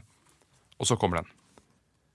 Tenk dem, hvor nytteløse den lærerens anstrengelser må være, som vil føre en elev tilbake til den uendelige, fjerne og vanskelige tilgjengelige helenske verden. Til all dannelsens egentlige opphav. Når så den samme eleven i neste øyeblikk griper til en avis eller en samtidsroman, eller til en av de dannede bøker, hvis stilistikk bærer vår tids dannelsesbarbaris våpenskjold. Det er vakkert. Du er sjokkert? Ja. Ja. Hva er sjokket? Hva består sjokket i? Uh, nå er det flere Ja. Uh, Han begynner for så vidt tidligere her med journa- journalistikken. Hvor han legger frem det at journalistikken har overtatt dannelsesprosjektet. Ja. Og da på en negativ måte. Og det er sjokkerende for meg, fordi jeg, jeg opplever når jeg leser det, at det stemmer. I alle fall hvis man betrakter dannelse som noe som skjer utover livet sitt, og ikke bare som en skolegang, så er jo journalistikken noe som Altså, i hvilken retning det er, kan man snakke om, men det påvirker oss hver dag hele livet. Ja. Og iallfall for det moderne mennesket, hvor nyheter er så lett tilgjengelige, så leser vi vel mer nyheter enn noensinne. Mm. Og det skremmer meg, fordi det er ganske konfronterende. Fordi jeg leser jo nyheter selv. Ja. Og jeg, jeg opplever ikke en positiv effekt. Nei. Dette er veldig interessant, for det her tror jeg liksom, da har Nietzsche oppnådd noe. Fordi det er nok nettopp derfor det skal være sjokkerende. For sånn jeg leser denne første foredraget også, så handler det om to hovedpoenger. Det ene er denne ideen om at eh, dannelsen i dag har blitt sånn som journalist, journalistikken. Og journalistikken er det verste Nietzsche vet, fordi det handler om øyeblikket. Så journalistene skriver en nyhetsartikkel for øyeblikket, for å liksom fange deg her og nå. Det er ikke noe varig, det er ikke noe evig, det er ikke noe tenkende, det er ikke noe sånn større prosjekt. Det er bare sånn sjekk hva som har skjedd rundt det gatehjørnet nå. Det er journalistikken. Og det får et dårlig språk, det får en veldig sånn øyeblikksvirkning, men ikke noe mer. Det varer ikke. Så det er skrekken for Nietzsche, for det er det motsatte av danse. Hvor du hever blikket og kan tenke over en enkelt hendelse som et eksempel på noe mer generelt, og se på det generelle som noe som konkretiseres i det enkelte, og så gå mellom de to. Da er du mye mer dannet, ikke sant? Det er en forståelse av et fenomen. Du ser ikke bare et, et drap eller et, en krig, du ser liksom det som en del av disse arketypene om drap og krig, og disse typene da, som du kan gjøre, reflektere over for å forstå dette tilfellet bedre, og omvendt. Det er en dannet, dannelse som Nietzsche liker, og journalistikken er jo bare nede på det konkrete hele tiden. Ja, nettopp. Eller Så han hater jo journalistikk. Men det er for også- massene, det, det, det er også dette som legges frem i dette foredraget. Dette som filosofen og denne eleven som de overhører snakker om, med disse to hovedretningene Mm. Ja, er som er problematiske. Hvordan Ja. Nietzsche mener at i journalistikken som han skriver, flyter begge disse retningene sammen. Begge disse onde retningene. Og Mm. Det er Den ene retningen er på en måte denne antielitistiske Ja, dette står på side 29, så sier han det Mm. rett ut hva de to er, da. Altså, ja. Vil du lese? Skal jeg? Nei, du kan lese. Det forekom meg at jeg måtte skille mellom to hovedretninger som, like fordervelig i sin virken og til syvende og sist sammenfallende i sine resultater, behersker våre samtidige dannelsesinstitusjoner. Her kommer de. På den ene siden den driften som krever størst mulig utvidelse og utbredelse av dannelsen. Ja. Så dette er driften hvor staten skal ha utdanne folket. Universell utdannelse. Alle skal med, alle skal inn, alle skal gjennom skoleverket, alle skal ta en høyere utdanning. Det er denne utvidelsen. Så det er én drift. På den andre siden den som streber mot dannelsens forringelse og svekkelse. Så det er den andre, den som prøver å opprettholde den gode dannelsen. Og det ser Nietzsche som ganske motstridende. Ikke sant? Altså, på den ene siden ha med alle, og på den andre siden beholde god dannelse. Ja. Indirekte fordi går jo ikke. Nei, han tror ikke massen er i stand til det. Så Ja. det er en motstridelse her som står og kjemper mot hverandre. Og dette forringer på en måte dannelsen, og de møtes på midten på en måte, og der står journalistikken. Og det var den samme motsetningen som eh, skjedde da Luther kom på banen, egentlig. Fordi du hadde en hellig kirke, og hellig er per definisjon det motsatte av alminnelig. Ja. Og så får du en hellig alminnelig kirke, og ja, Hallo. Hvor, hvor er Dette her er en kontradiksjon. Hva er det som foregår her? Men det er altså Luthers prosjekt, så man kan vel nesten si at skoleverket som utvikles i Prøysen og Tyskland, er på en måte den nye Luther. Ja. Bare at det omhandler kunnskap og posisjon. Ja. Danse. Ja. Og dette, for å være helt ærlig, dette merker vi jo på universiteter og sånn. Altså, jo flere som skal med, jo lavere må vi legge lista. Mm. Det er jo ikke noe å lure på. Det er jo ikke sånn at vi egentlig lurer på det. Men dette er også veldig konfronterende for Så, meg da jeg leste ja, denne boken ja. igjen nå. Fordi jeg har jo troen på folkeopplysning. Ja, Dessverre. Ja det har jeg også, men det er noe Jeg litt har annet, troen på det, og, Ja. og så sier Nietzsche rett opp i ansiktet mitt at det burde du ikke tro på. Ja, men er, Du må skille mellom to ting. Du må tenke Folkeopplysning er bra. Det skjer gjennom, det skjer gjennom gode medier, gjennom gode, god journalistikk, gjennom eh, romaner, som man sier, disse samtidsromanene. Det skjer jo gjennom det en slags folkeopplysning. Og det å få alle gjennom skolevesenet, det at du liksom fullfører videregående, da, ikke slutter etter to-tre måneder, det er jo en slags folkeopplysning. Da. Få folk gjennom videregående, ikke sant. Men det er ikke noen motsetning med å ha troen på det, og også tenke at den sanne dannelse, i form av idealene, er for de få. Det er ikke noen motsetning der, er det det? Nei, altså det er, det er ikke noen motsetning hvis man forutsetter at de institusjoner du nevnte, er det Nietzsche kaller livsnødens Ja. Institusjoner, og ikke dansesinstitusjoner.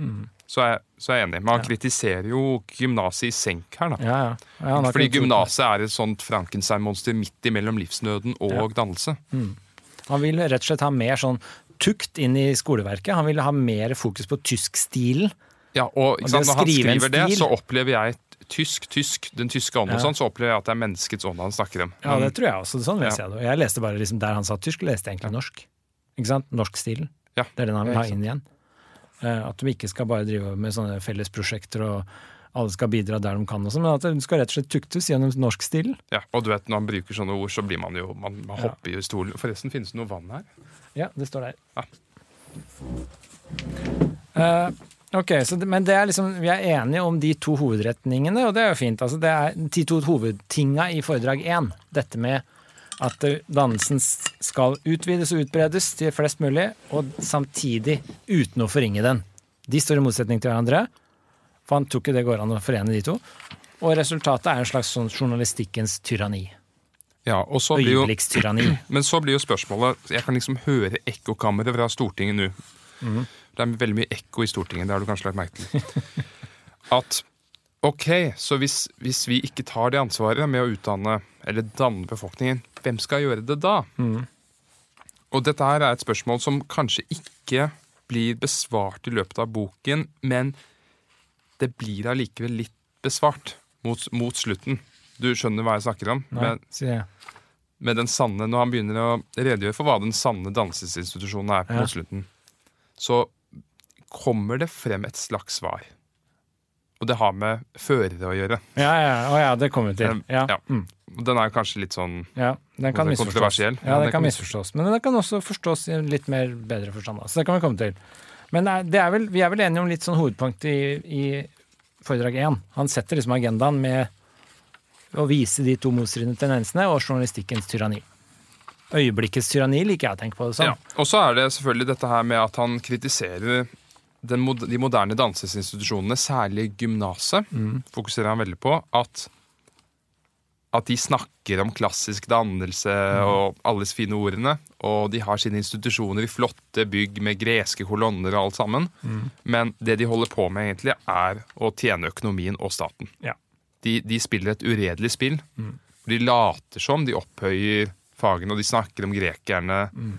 Men de vil egentlig bare få den tyske borger inn i maskineriet.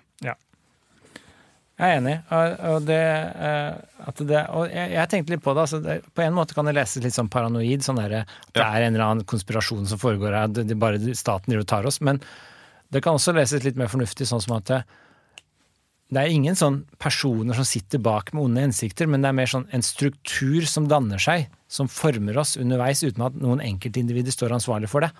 Det er litt sånn som at et system kan være f.eks. sexistisk eller rasistisk uten at enkeltindivider i systemet er nevneverdig rasistiske og sexistiske, bare fordi systemet er vinkla sånn at det skjærer ut litt feil. Mm. og Sånn tenker jeg også med dansesinstitusjoner, utdanningsinstitusjoner, at de kan være strukturert sånn at det, det kommer litt ut, sånn som Nietzsche sier, selv om det ikke sitter noen bak og liksom har tenkt gjennom dette her. Men det danner seg sakte, men sikkert tendenser om å Ja. tjene samfunnets roller, om de politiske føringene. De legger føringer, da. Og så dannes det strengere strukturer enn det som kanskje var intendert. Ja, men det, det, altså, dette her er jo et resultat av, av stiftelsen av nasjonalstaten, som skjer på 1800-tallet, som, som det moderne mennesket er helt for gift. Men før, før Prøysen overtok Tyskland, så var det jo fullt av småstater. Uh, og det var, et, det var et helt annet type samfunn. Det var mange flere klasser. Det som skjer etter at nasjonalstaten blir etablert, er at man utvikler seg mer og mer mot bare én klasse, borgeren, som er lik under staten. Og da blir jo disse offisielle institusjonene har jo nemlig det for mål at borgeren skal fortsette å være borger. Det er helt naturlig, det. Ja, Så, og det merker jeg også når jeg leser denne boken, at det er veldig mye jeg kjenner på meg selv at jeg kan ikke fatte det helt. Fordi jeg har ikke levd i et føydalt klassesamfunn hvor klassene er tydeligere. Jeg har vokst opp med, med dette narrativet om at vi er alle like. Mm. Og det er nettopp blitt slik fordi vi har levd Ja. som om vi er like. Da blir det slik. Men tenker du egentlig at alle er like?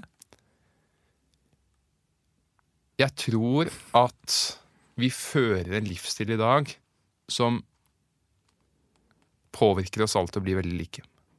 Ja, men tror du alle er like fra naturens side? Nei, det er man jo ikke. uh, er man jo, er jo, man er jo gal på hver sin måte. det er jo forskjell på folk. Ja. Ja, det er forskjell. Men hvis du studerer vanene til folk, så vil du se at folk blir likere og likere. Vanene til mennesker blir likere og likere. Ja. Alle har en Netflix-konto.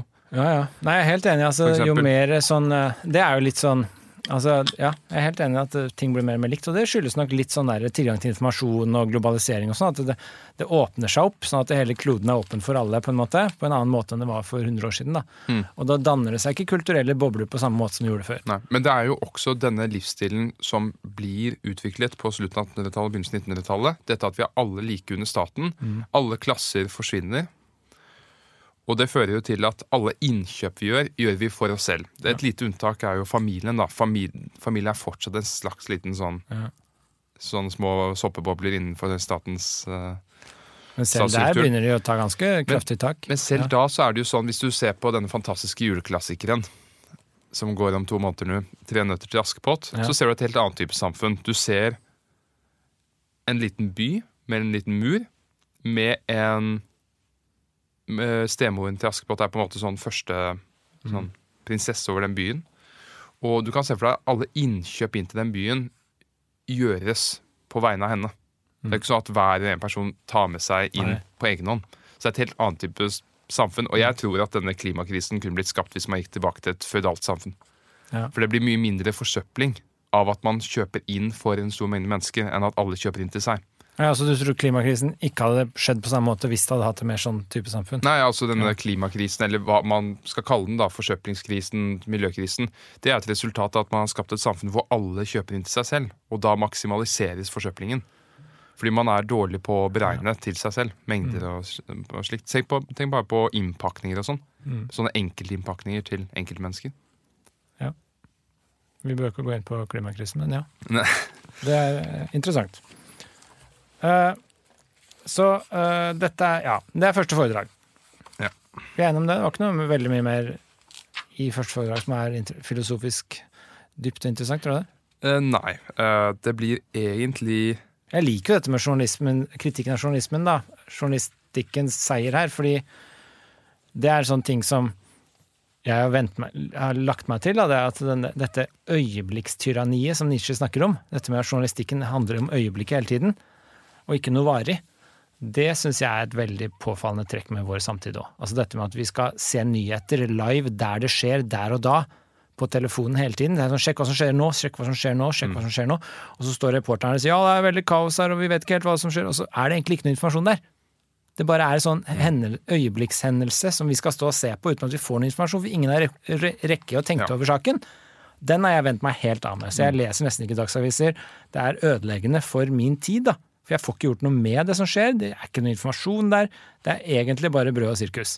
Men så er det jo også den delen av det som du ikke merker, men som påvirker deg sakte, men sikkert og stille, er det at når den eneste verdien blir nytt, nyhet, Ja, ja, når nytt skjedd, når nytt, har skjedd, Avisen reklamerer, men så, vi er først på stedet. ikke Man mister Altså, det, det komplett motsatte av journalismen er ritualer. Det er Mm. noe du gjentar. Ja.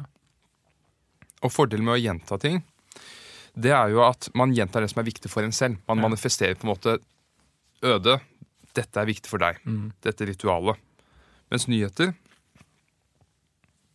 Hva gjør det med et menneske? Nei, det er jo ikke viktig Man blir jo bare, man blir bare druknet inn i Ja. journalistikkens Nei, altså Når en eh, avis reklamerer med 'vi er først på stedet', så tenker jeg ops, den skal jeg ikke lese. Fordi de er først på stedet, de vet jo ingenting ennå. Altså, det er jo bare å være der først, det er helt irrelevant.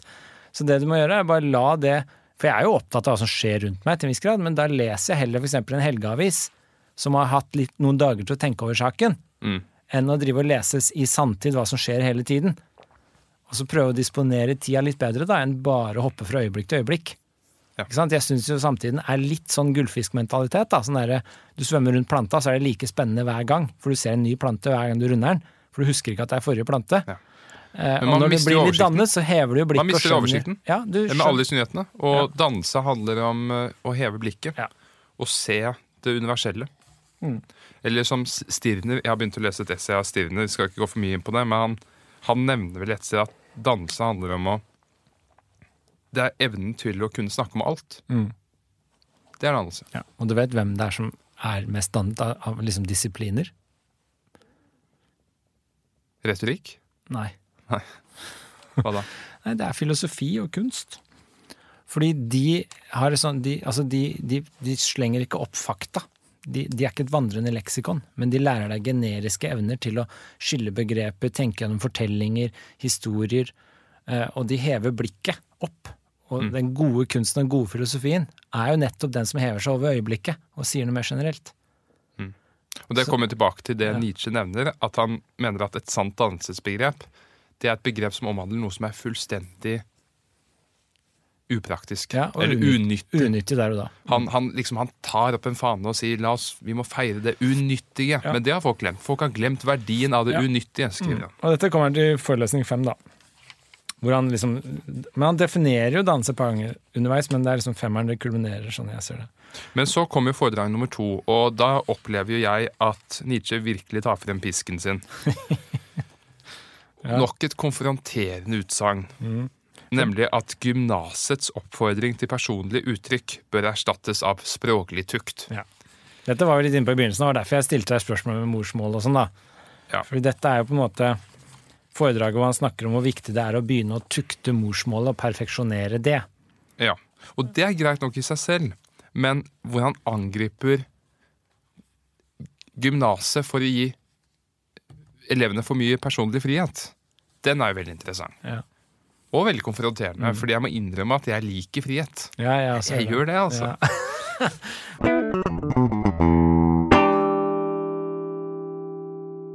Men eh, jeg liker frihet, jeg også. Men jeg, lik, jeg, er litt sånn, jeg liker friheten til å velge hvilke sjanger jeg skal tuktes i. Ja. Jeg liker ikke friheten inni en sjanger. Sånn som når jeg begynner å når jeg, liksom, når jeg- hvis jeg skal, Når jeg skal lære meg å tegne skikkelig, da, så vil ikke jeg ha full frihet for hver tegning jeg begynner på på nytt. Mm. Ikke sant? Da vil jeg ha friheten til å velge å begynne å tegne, men når jeg først begynner å tegne, så vil jeg tuktes i en sjanger som gjør at jeg blir jævlig god i den sjangeren. Mm. Og det er forskjell. Så jeg liker friheten, men ikke underveis i enhver aktivitet. Det er bare tull. Og det Nietzsche gjør der, det høres veldig hardt ut. Dette begynner å snakke om at nei, du skal ikke ha personlig frihet, du skal tuktes. Men det han gjør der, er jo egentlig bare å gjenta selve definisjonen av dannelse. Ja. For det å bli dannet til noe er jo Det krever tukt. Og det, det er det motsatte av frihet. Ja. Og han sier det rett ut flere ganger, at det å bli dannet, det er å la seg tukte, la seg kue, Mm. lenge nok til at du klarer å heve blikket og forstå en tradisjon, da. Og når du gjør det, så oppnår du en slags dannelse, for da evner du å se over øyeblikket. Og her blir jo mange mennesker som har lest den boken, opplever jeg av, av ting jeg har lest om den osv., opplever jeg blir veldig forvirret. De blir veldig forvirret av at han, han snakker om tukt og lite personlig frihet, og man skal, man skal kues. Og samtidig så er han imot statlige dansesinstitusjoner. Ja. Og da, da blir folk veldig forvirret, ikke sant? Fordi hva? Uh, de tror liksom at han legger frem en slags Hitler-modell. Med, dette, med, med, med et samfunn hvor man skal kues null personlig frihet. Men, men som du sier, han snakker om det innenfor dansesbegrepet. Mm. Ikke, ikke fordi ikke, ikke disse skoleinstitusjonene. For han kommer jo frem til slutt at den type institusjon han snakker om, er ikke en fysisk institusjon, det er noe annet. Jeg liker på side 35, da, tenkte jeg skulle lese en liten ting her. Mm. Hva syns du om det her? Her står det. For i grunnen finnes det en stilltiende enighet mellom de edelt begavede og varmt følende menneskene i vår tid. De vet hvor mye de selv i skoleårene led under disse dansestilstandene. Så de som er egentlig litt sånn edelt begavet for danse, de sliter under de skoletilstandene hvor du egentlig bare skal Du skal egentlig bare utdannes til et yrke, på en måte. da. Mm. Jeg synes det var litt fint. Da. Det er veldig fint. Men, uh, men er det noe kontekst her? Jeg så ikke den helt store her? reaksjonen der, men jeg, jeg syns det var litt fint. Ja.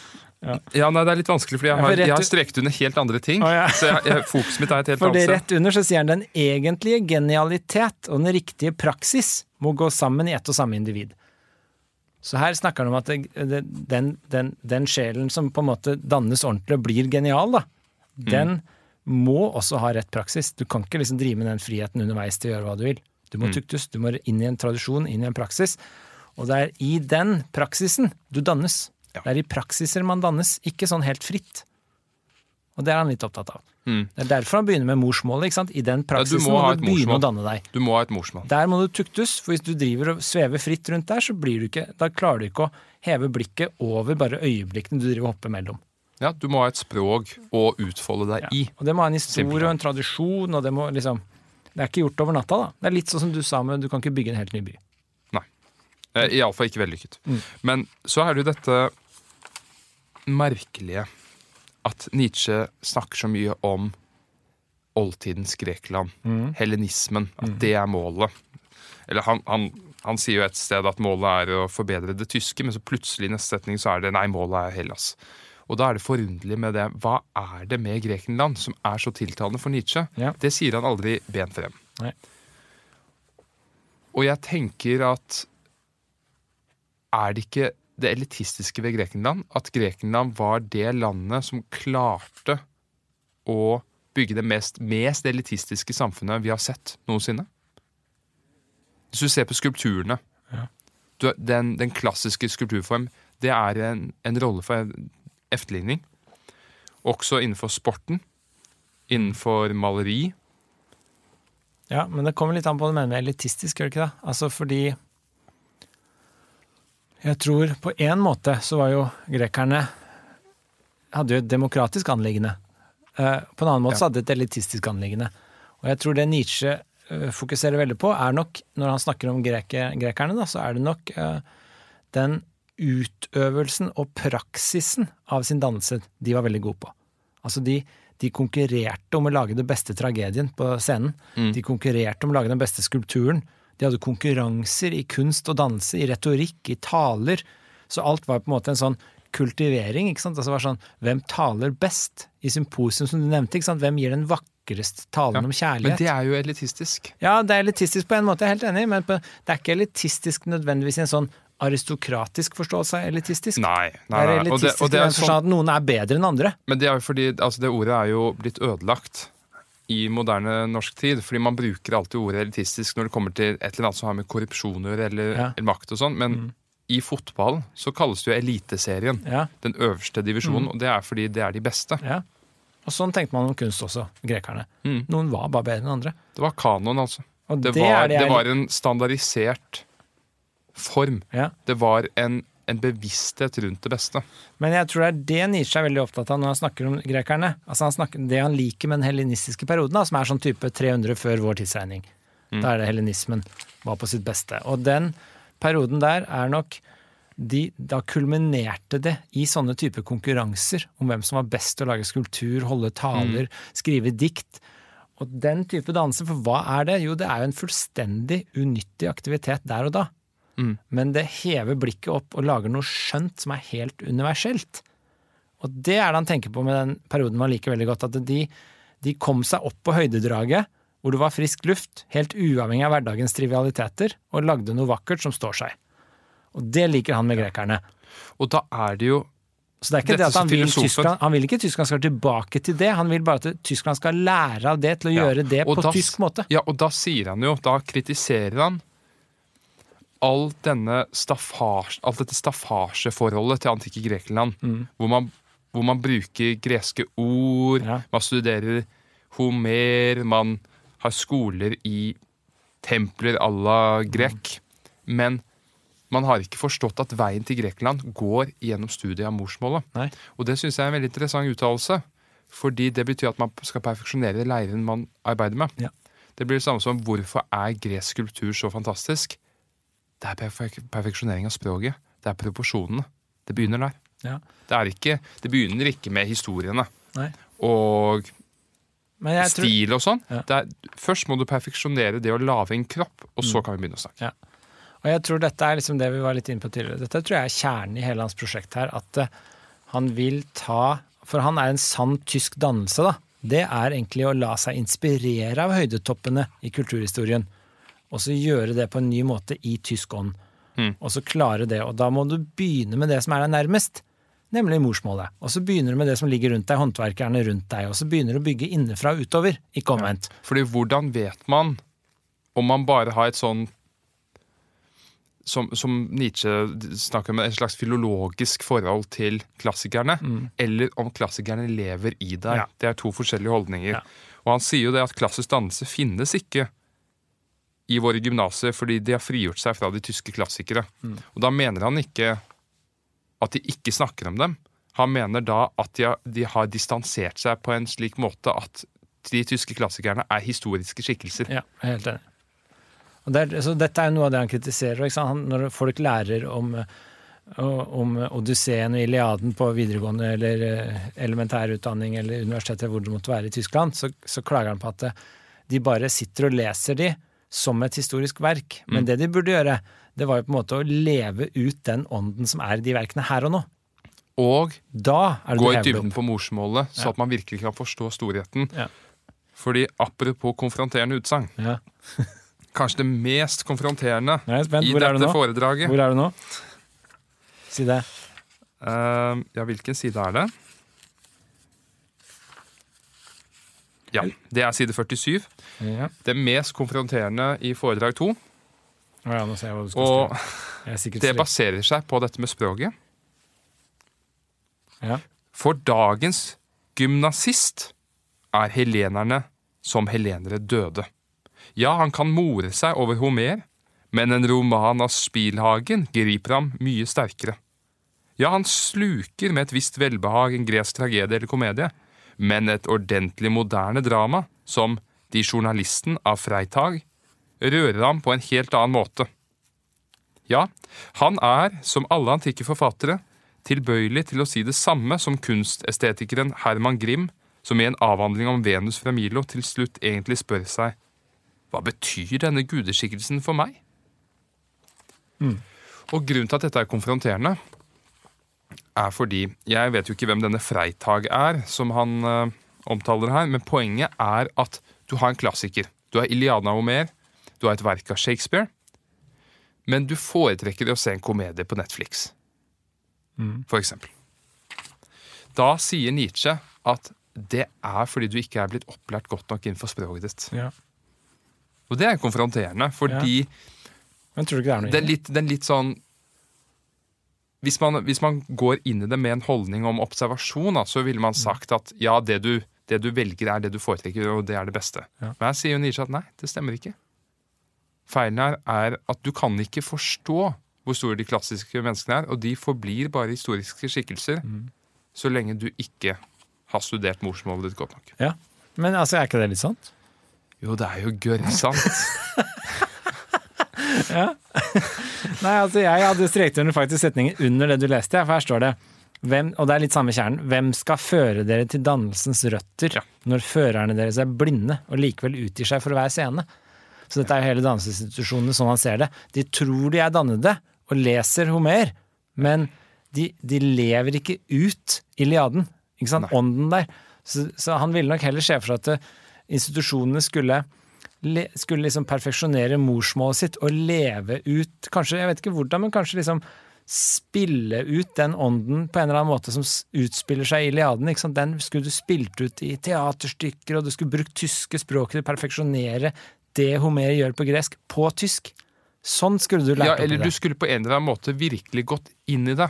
Turt Ja, å gå inn i det. Og ordentlig inn i det. Mm. Ja. Fordi det er jo dette evige spørsmålet. Når du har en klassiker, har man blitt vant til å kalle det en klassiker, eller har det faktisk kvaliteter i seg selv? ja.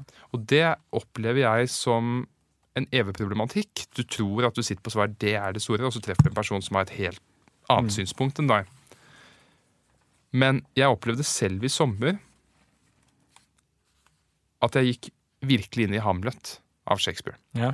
Og jeg gjorde det sammen med noen venner, hvor vi rett og slett leste oss gjennom Hamlet med forskjellige roller. Mm. Og da opplevde jeg å forstå det på en helt annen måte. Fordi jeg tok meg tiden til å virkelig gå inn i det. Ja. Fordi du, det, det er veldig lett å stoppe ved dødterskelen på Shakespeare med sånn gammelt, arkaisk engelsk språk. Og det blir litt sånn Ja, Mm. vi vet at Shakespeare er stor. Vi aksepterer den. Mm. Men han forblir bare en historisk skikkelse så lenge du ikke studerer språket. Ja. Fordi språket er blitt gammelt i dag. Jeg er helt enig. Altså, jeg har akkurat samme opplevelse med Shakespeare når jeg bodde et år i USA når jeg, på, når jeg gikk på videregående eh, som utvekslingsstudent. Og da hadde jeg en lærer i engelsk på high school som det eneste vi gjorde hele året det var På høsten så leste vi Hamlet. Mm. Hele høsten. Det var det eneste vi gjorde i den timen. Og på våren så leste vi Gjengangere med Ibsen. Ja, fantastisk. Og det var de to eneste vi leste hele året. Vi gjorde ikke noe annet i den engelsktimen på ett år. Og da gikk vi inn i de detaljene på innsiden, da, sånn som du er inne på. Vi, leste, vi spilte det ut i teatersal. ikke sant? Vi spilte Hamlet og leste det. Og han kunne bruke en hel time på første setning. Ikke sant? Hva er det Hamlet sier? Første ordet han sier. Ikke sant? Såpass, Så ja. kan vi snakke, det var veldig på innsiden. Og jeg må innrømme at det emnet da, er noe av det som på en måte har påvirka meg mest til å vekke en sånn kunnskapstørst i tenåra. Det var liksom det emnet i engelsk hvor vi var på innsiden av Hamlet. Ikke bare leste det som et sånn klassisk stykke, men vi levde det ut og snakka om hva det betydde for oss der og da. Og det er det, det som er, vekker den tørsten litt, da.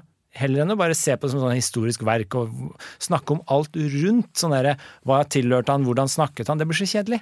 Ja.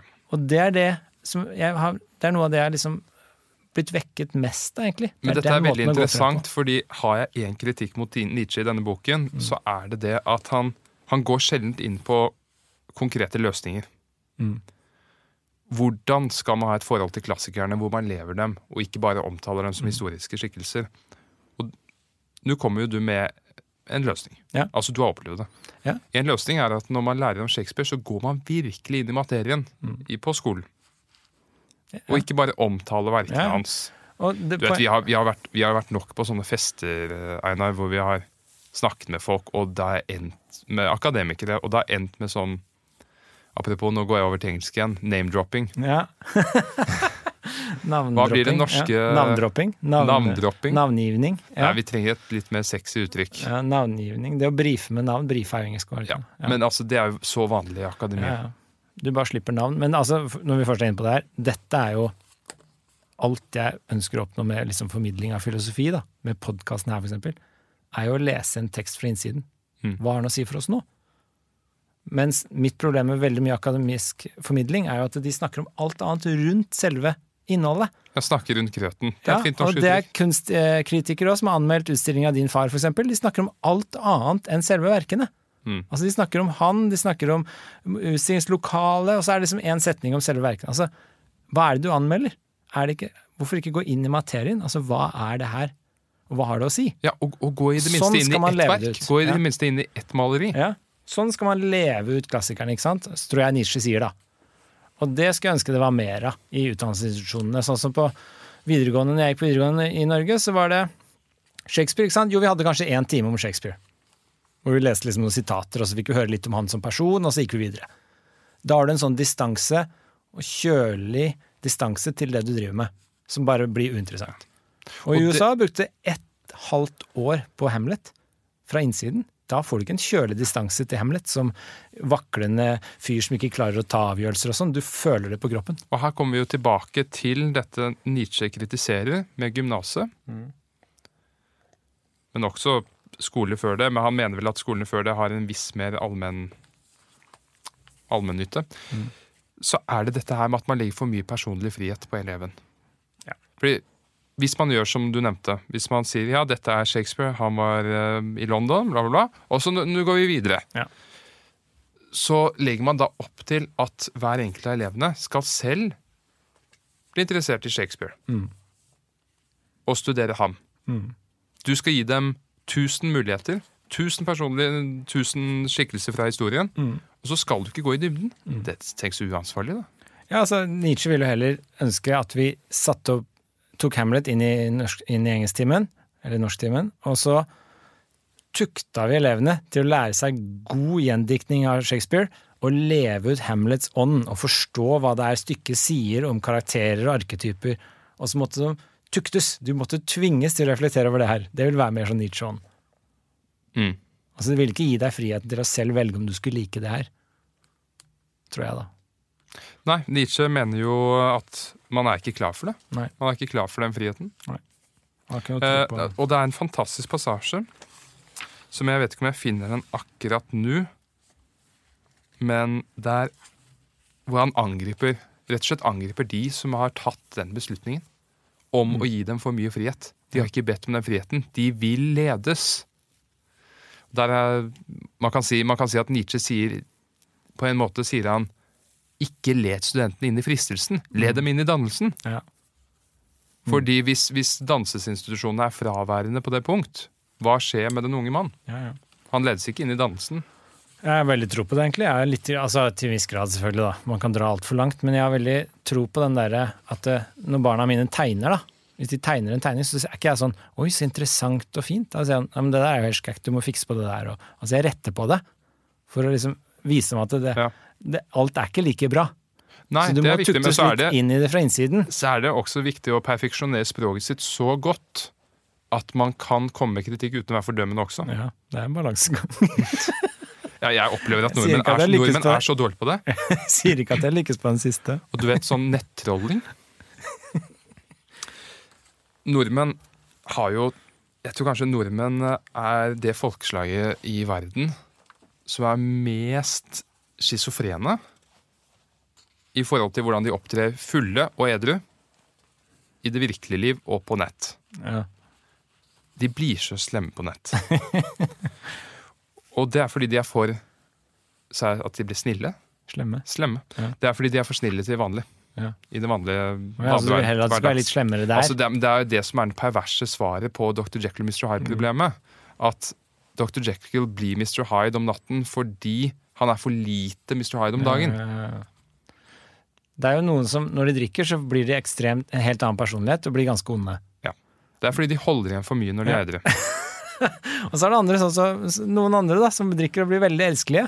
Ja, de holder igjen sin Ja. elske, jeg elskelighet. enig. Ja, jeg er litt der, Ja, faktisk. jeg er også veldig der. Men, men, eh, men jeg har opplevd når nordmenn holder igjen for mye. De skal være snille veldig lenge, og så plutselig sprekker de. Ja. Jeg var en gang på en restaurant, og jeg var veldig fornøyd. Jeg hadde med meg litt lesestoff. Jeg satt med det og jeg leste.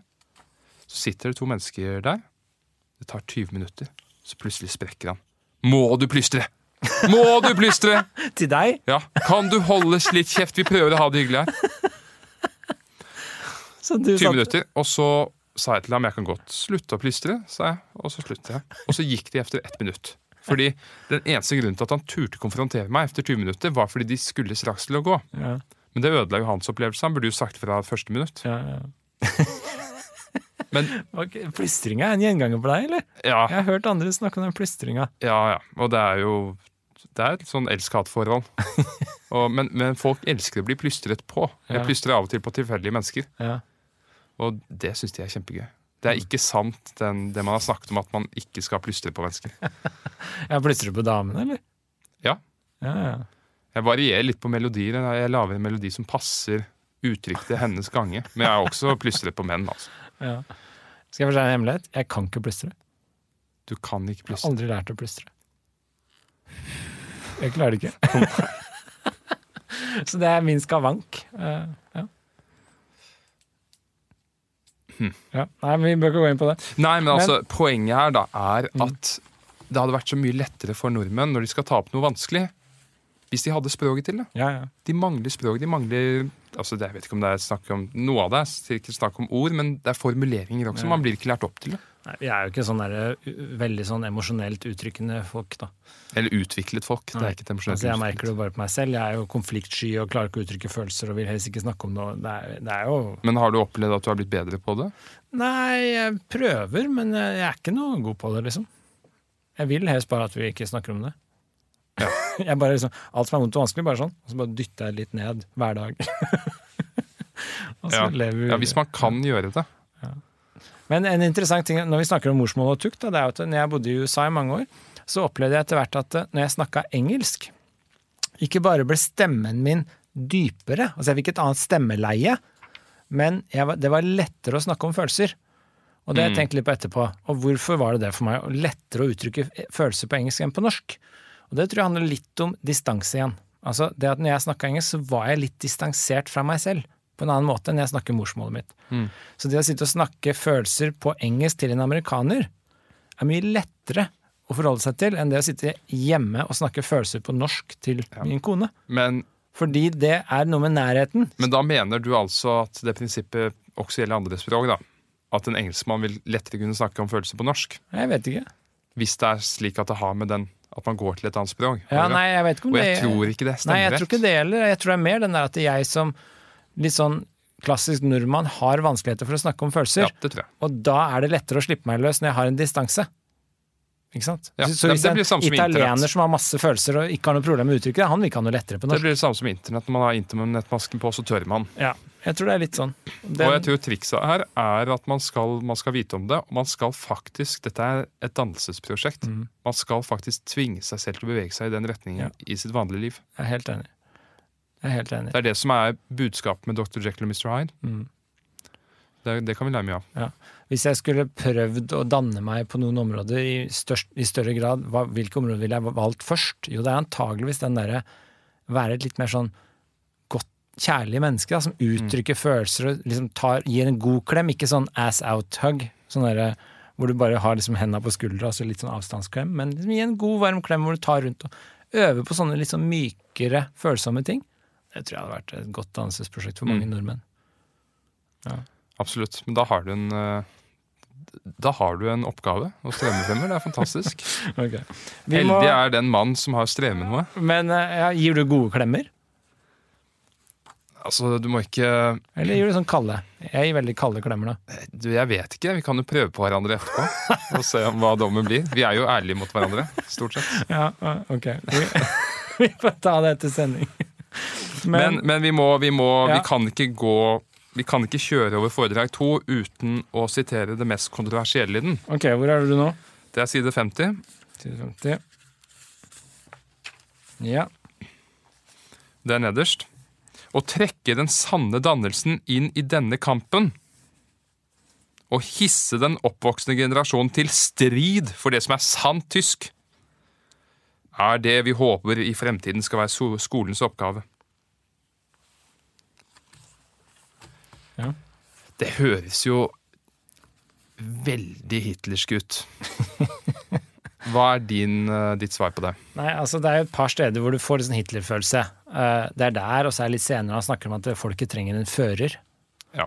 Men mitt svar på det er jo at dette er jo selvfølgelig da lenge før Hitler. Han visste ikke om Hitler, eh, så det er ikke det det er snakk om. Men det er Jeg leser det litt sånn, kanskje litt for snilt, da, men jeg leser det sånn som at det, når han sier sånne ting som å trekke den sanne dansen inn i kampen og hisse den opp til det som er sant tysk, så høres det ille ut i dag. Men jeg tror han mener noe sånn som at vi kunne sagt det på en annen måte. Hvis jeg hadde sagt den sanne dansen må trekkes inn i kampen, sånn at vi, vi liksom virkelig fyrer opp under det som liksom er sånn god norsk tradisjon, så får jeg litt mindre Hitler-følelser. Og da tenker jeg, også Hvis jeg skal avnasjonalisere og avfascistisere det hele, så vil jeg tenke sånn Det han egentlig sier, er bare vi må ta den sanne dansen inn og bruke den fra innsiden, sånn som vi har vært inne på tidligere. Og så må vi la det liksom komme fra innsiden og ut, og leve ut det gode i de sirklene vi kjenner godt, da. Mm. Heller enn å liksom heve oss opp og bare prøve å ta alt. Altså en sånn bottom up-strategi. Du, Ja. begynner innerst og jobber deg utover, heller enn omvendt. Og jeg opplever også at det er snakk om en slags begeistring her. Eh, fordi For hva da? For et eller annet. Ja. For jeg, jeg vil gå tilbake til begynnelsen av den, det avsnittet, hvor jeg opplevde, da jeg leste det, at Nietzsche motsa seg selv kraftig. Ja. Det var en stor kontradiksjon. Hvor han skriver om så fastere holder vi fast ved den tyske ånd, som har åpenbart seg i den tyske reformasjonen og i den tyske musikken, og som i den tyske filosofiens tapperhet og strenghet og i de tyske soldaters troskap. Ok. Vi kan gå gjennom den listen som han, han kommer med eksempler på tysk storhet. Ja. Tysk soldat, ja, det må vel være denne vet ikke helt hva han sikter til der. Det er denne, disse, den prøyssiske militære Ja, det var en krig. Han, han deltok faktisk selv som ambulansesjåfør i en liten krig. Ja, den, med prøysserne, selvfølgelig. Ja. Og så har vi de tyske filosofiens tapperhet. Den kjenner vi jo godt til. Det er den tyske filosofien som utvikler seg på slutten av 1700-tallet. Tysk musikken den skjønner jeg veldig godt. Den tyske musikken utviklet seg jo til å bli den mest elitistiske og storslåtte verden hadde sett. Mm. Men så kommer den.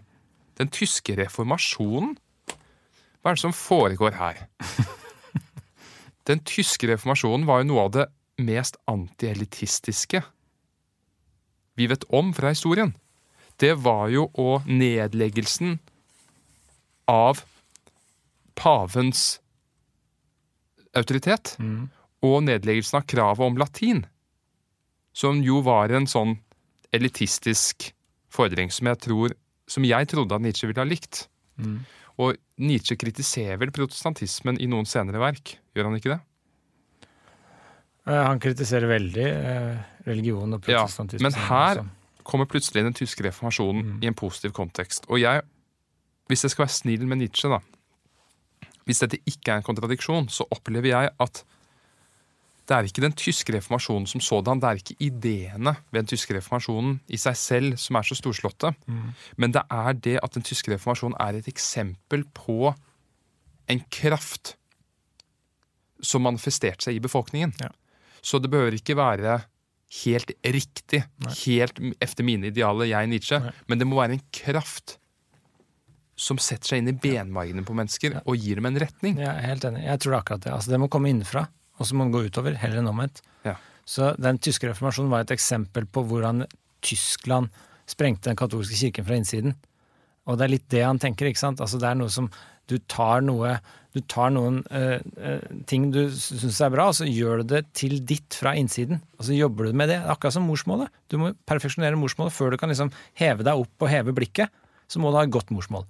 Og litt sånn tenker han her også. Musikken, tyske filosofien. Dette er tyske ånd som har manifestert seg fra innsiden og ut. da, Og tatt eksempler fra kulturhistorien, men gjort det til sitt, og lagd det til noe stort på egen hånd. Det er en kraft som, som går på tvers av mennesker, Ja, og som ne nesten går hinsides en enkeltmanns bevissthet. ja altså det er en slags Det går ned i underbevisstheten. Ja, han tenker jo at geniene er de som står for det her, da. Eh, Og han snakker om den tyske filosofien også, så er han jo ikke det fordi han er enig med Kant og Hegel, som antageligvis han sikter til. Det er jo det at han mener dette er liksom tyske filosofer som har liksom lagd noe fra Tysklands ståsted, som hever seg opp og blir noe universelt. Det er ikke det som du sier at han er, bør være enig i standpunktet, tror jeg. Nei, nettopp. Så jeg tror du har helt rett i det.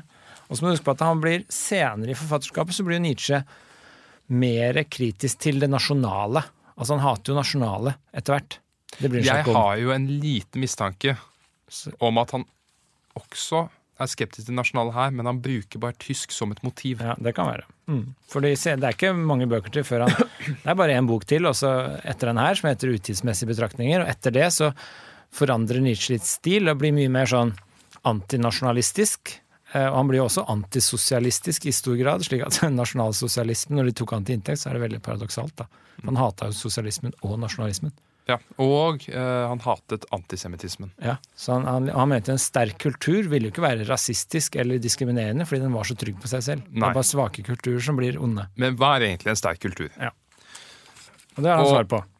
Ja, Det har Nietzsche svaret på. Jeg husker ikke om han bruker akkurat det uttrykket, men det er noe i eh, den duren. Det er da at man skal kunne måle et samfunns dannelse, eller samfunns storhet, ut fra geniene det frembringer. Ja. Også et veldig konfronterende utsagn. Særlig for meg, fordi jeg elsker jo Sveits. Ja. Den nasjonen som ikke har skapt et eneste geni i Europa. Ja. Så, men, så jeg anser jo Sveits for å være et dannet samfunn, men Ja. så sier jo Nietzsche her at det, det er ikke et dannet samfunn. Nei. Hadde det vært det, ville det ha produsert genier. Men altså, det er verdt å si, da, bare sånn litt sånn overordna, altså dette med Nietzsche ser jo for seg dette med at geniet er en slags litt sånn naturbegavelse som, som setter opp store idealer. Sånn som Wagner var for Nietzsche, tidlig Nietzsche et geni som satte opp et ideal for musikken. Og han tenker på geni som disse enkeltindividene som setter opp idealer for massene å etterstrebe og like. Mm. Eh, Så sånn sett så mener han egentlig, og dette er jo da den mest elitistiske delen av Nietzsche noensinne, det er jo at han mener folket, massen, staten og kulturen skal tilrettelegge for å fremme genier. Som igjen kaster godt lys og reflekterer godt ned på massene igjen. Men kanskje ikke staten. Tidlig Nietzsche ville nok kanskje mene at staten skulle bidra, men altså kanskje Jeg er litt skeptisk. Jeg tror ikke det kommer helt frem i denne Nei, boken. kanskje jeg, mer kulturen, da. Altså han, han sier nesten Ja. at kulturen og massene skal tilrettelegge for geniene. Mm. Og han er veldig sint på de som sier at eh, på, på de kulturer og folk som på en måte undertrykker og kveler geniene. Ja, og der har vi jo på. Norge. Det er jo moderne Norge. Ja. Har du noen eksempler, eller? Noen eksempler? Noen eksempler? Nei, vi har jo Kjenner Knut Hamsun. kjenner du noen eksempler du mener har blitt undertrykt? Eh, vi har far. altså ikke Odd Gud, ja, ikke Gud, far. Ikke far som er i himmelen, men far Nei. som er på Din Røvikgård. far. Ja. ja. Odd Nerdrum. Og så har vi mm, selvfølgelig den store sopranen. Hvem er det? Nei, nå gikk det et eh, teppe over hodet mitt. Sopran, altså sangere? Ja. Ja, nei, det vet Men ja, nei, altså han Du mener Norge er litt der at det kveler individer? Ja, eller kveler eh, Kveler? Hvordan er det jeg, hvordan er det jeg Kveler. målfører meg? Ja, nei, nå er, du, nå er du nede i folket, nå kveler vi. Ja. Nei, men at Norge har en, har en tradisjon for å kvele storhet, Ja. Det, tror jeg vi kan si sikkert. Men altså, Men, det eh, psykologiske det er jo litt sånn interessant, fordi sånn som når du har et geni sånn i nietzscheansk forstand, da, som er en sånn enkeltindivid som har en sånn enorm kraft til å skape noe, som da massene føler seg trua av. Ja. Mens det de egentlig burde gjøre, var jo å tilrettelegge for at dette geniet skal få slippe seg helt løs, fordi det gagner dem igjen i sin tur at den setter opp disse store idealene med flott musikk og filosofi og kunst. Ja.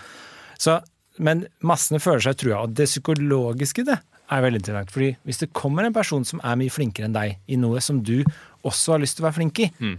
så er det jo veldig lett å på en måte, i stedet for å prøve å konkurrere med den som du innser er overlegen, kritisere, si Ja. at den ikke er overlegen, prøve å plukke ned fra pidestallen. ikke sant? Det er en voldsom melankoli i det å innse at det er noen som er større enn meg. Ja, Men for en modningsprosess det er ja, å innrømme det inni seg selv. ja, Og være åpen om det. ja. Og jeg tror at uh, det er livsviktig for ethvert samfunn. Mm. At man ikke, at man motstår fristelsen til resentiment, som er et annet uttrykk Nietzsche bruker. Som kommer litt i noen senere bøker, da. Mm. Mm.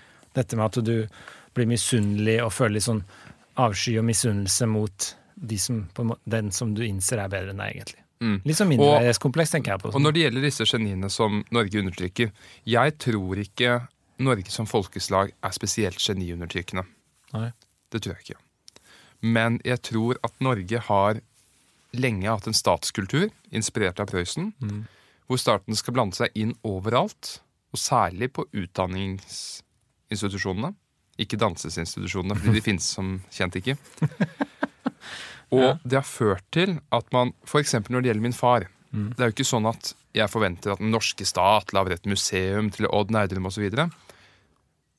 Jeg Det hadde vært kult, da. Det hadde vært kult. Men, men jeg opplever at det norske folk Det er ganske det er ganske bred beundring for Odd Nerdrum blant norske folk. Nei, jeg enig i. Det Men, men staten arbeider aktivt mot ham fordi de prioriterer alle de andre. Og bruker penger på alle de andre. Og, og de, da skaper de et klima hvor man undertrykker den kraften. Ja. Så det danner seg strukturer, eh, institusjoner, som undertrykker kraften, mens det, folket selv kanskje ikke har noe behov for det.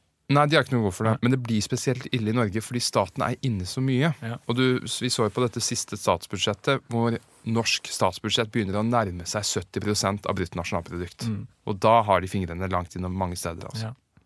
Nei, det er interessant akkurat det der. Um, jeg tror ikke vi skal forfølge den veldig langt. Jeg vet Du har snakka om den tingen, akkurat det der andre steder også. Men Ja.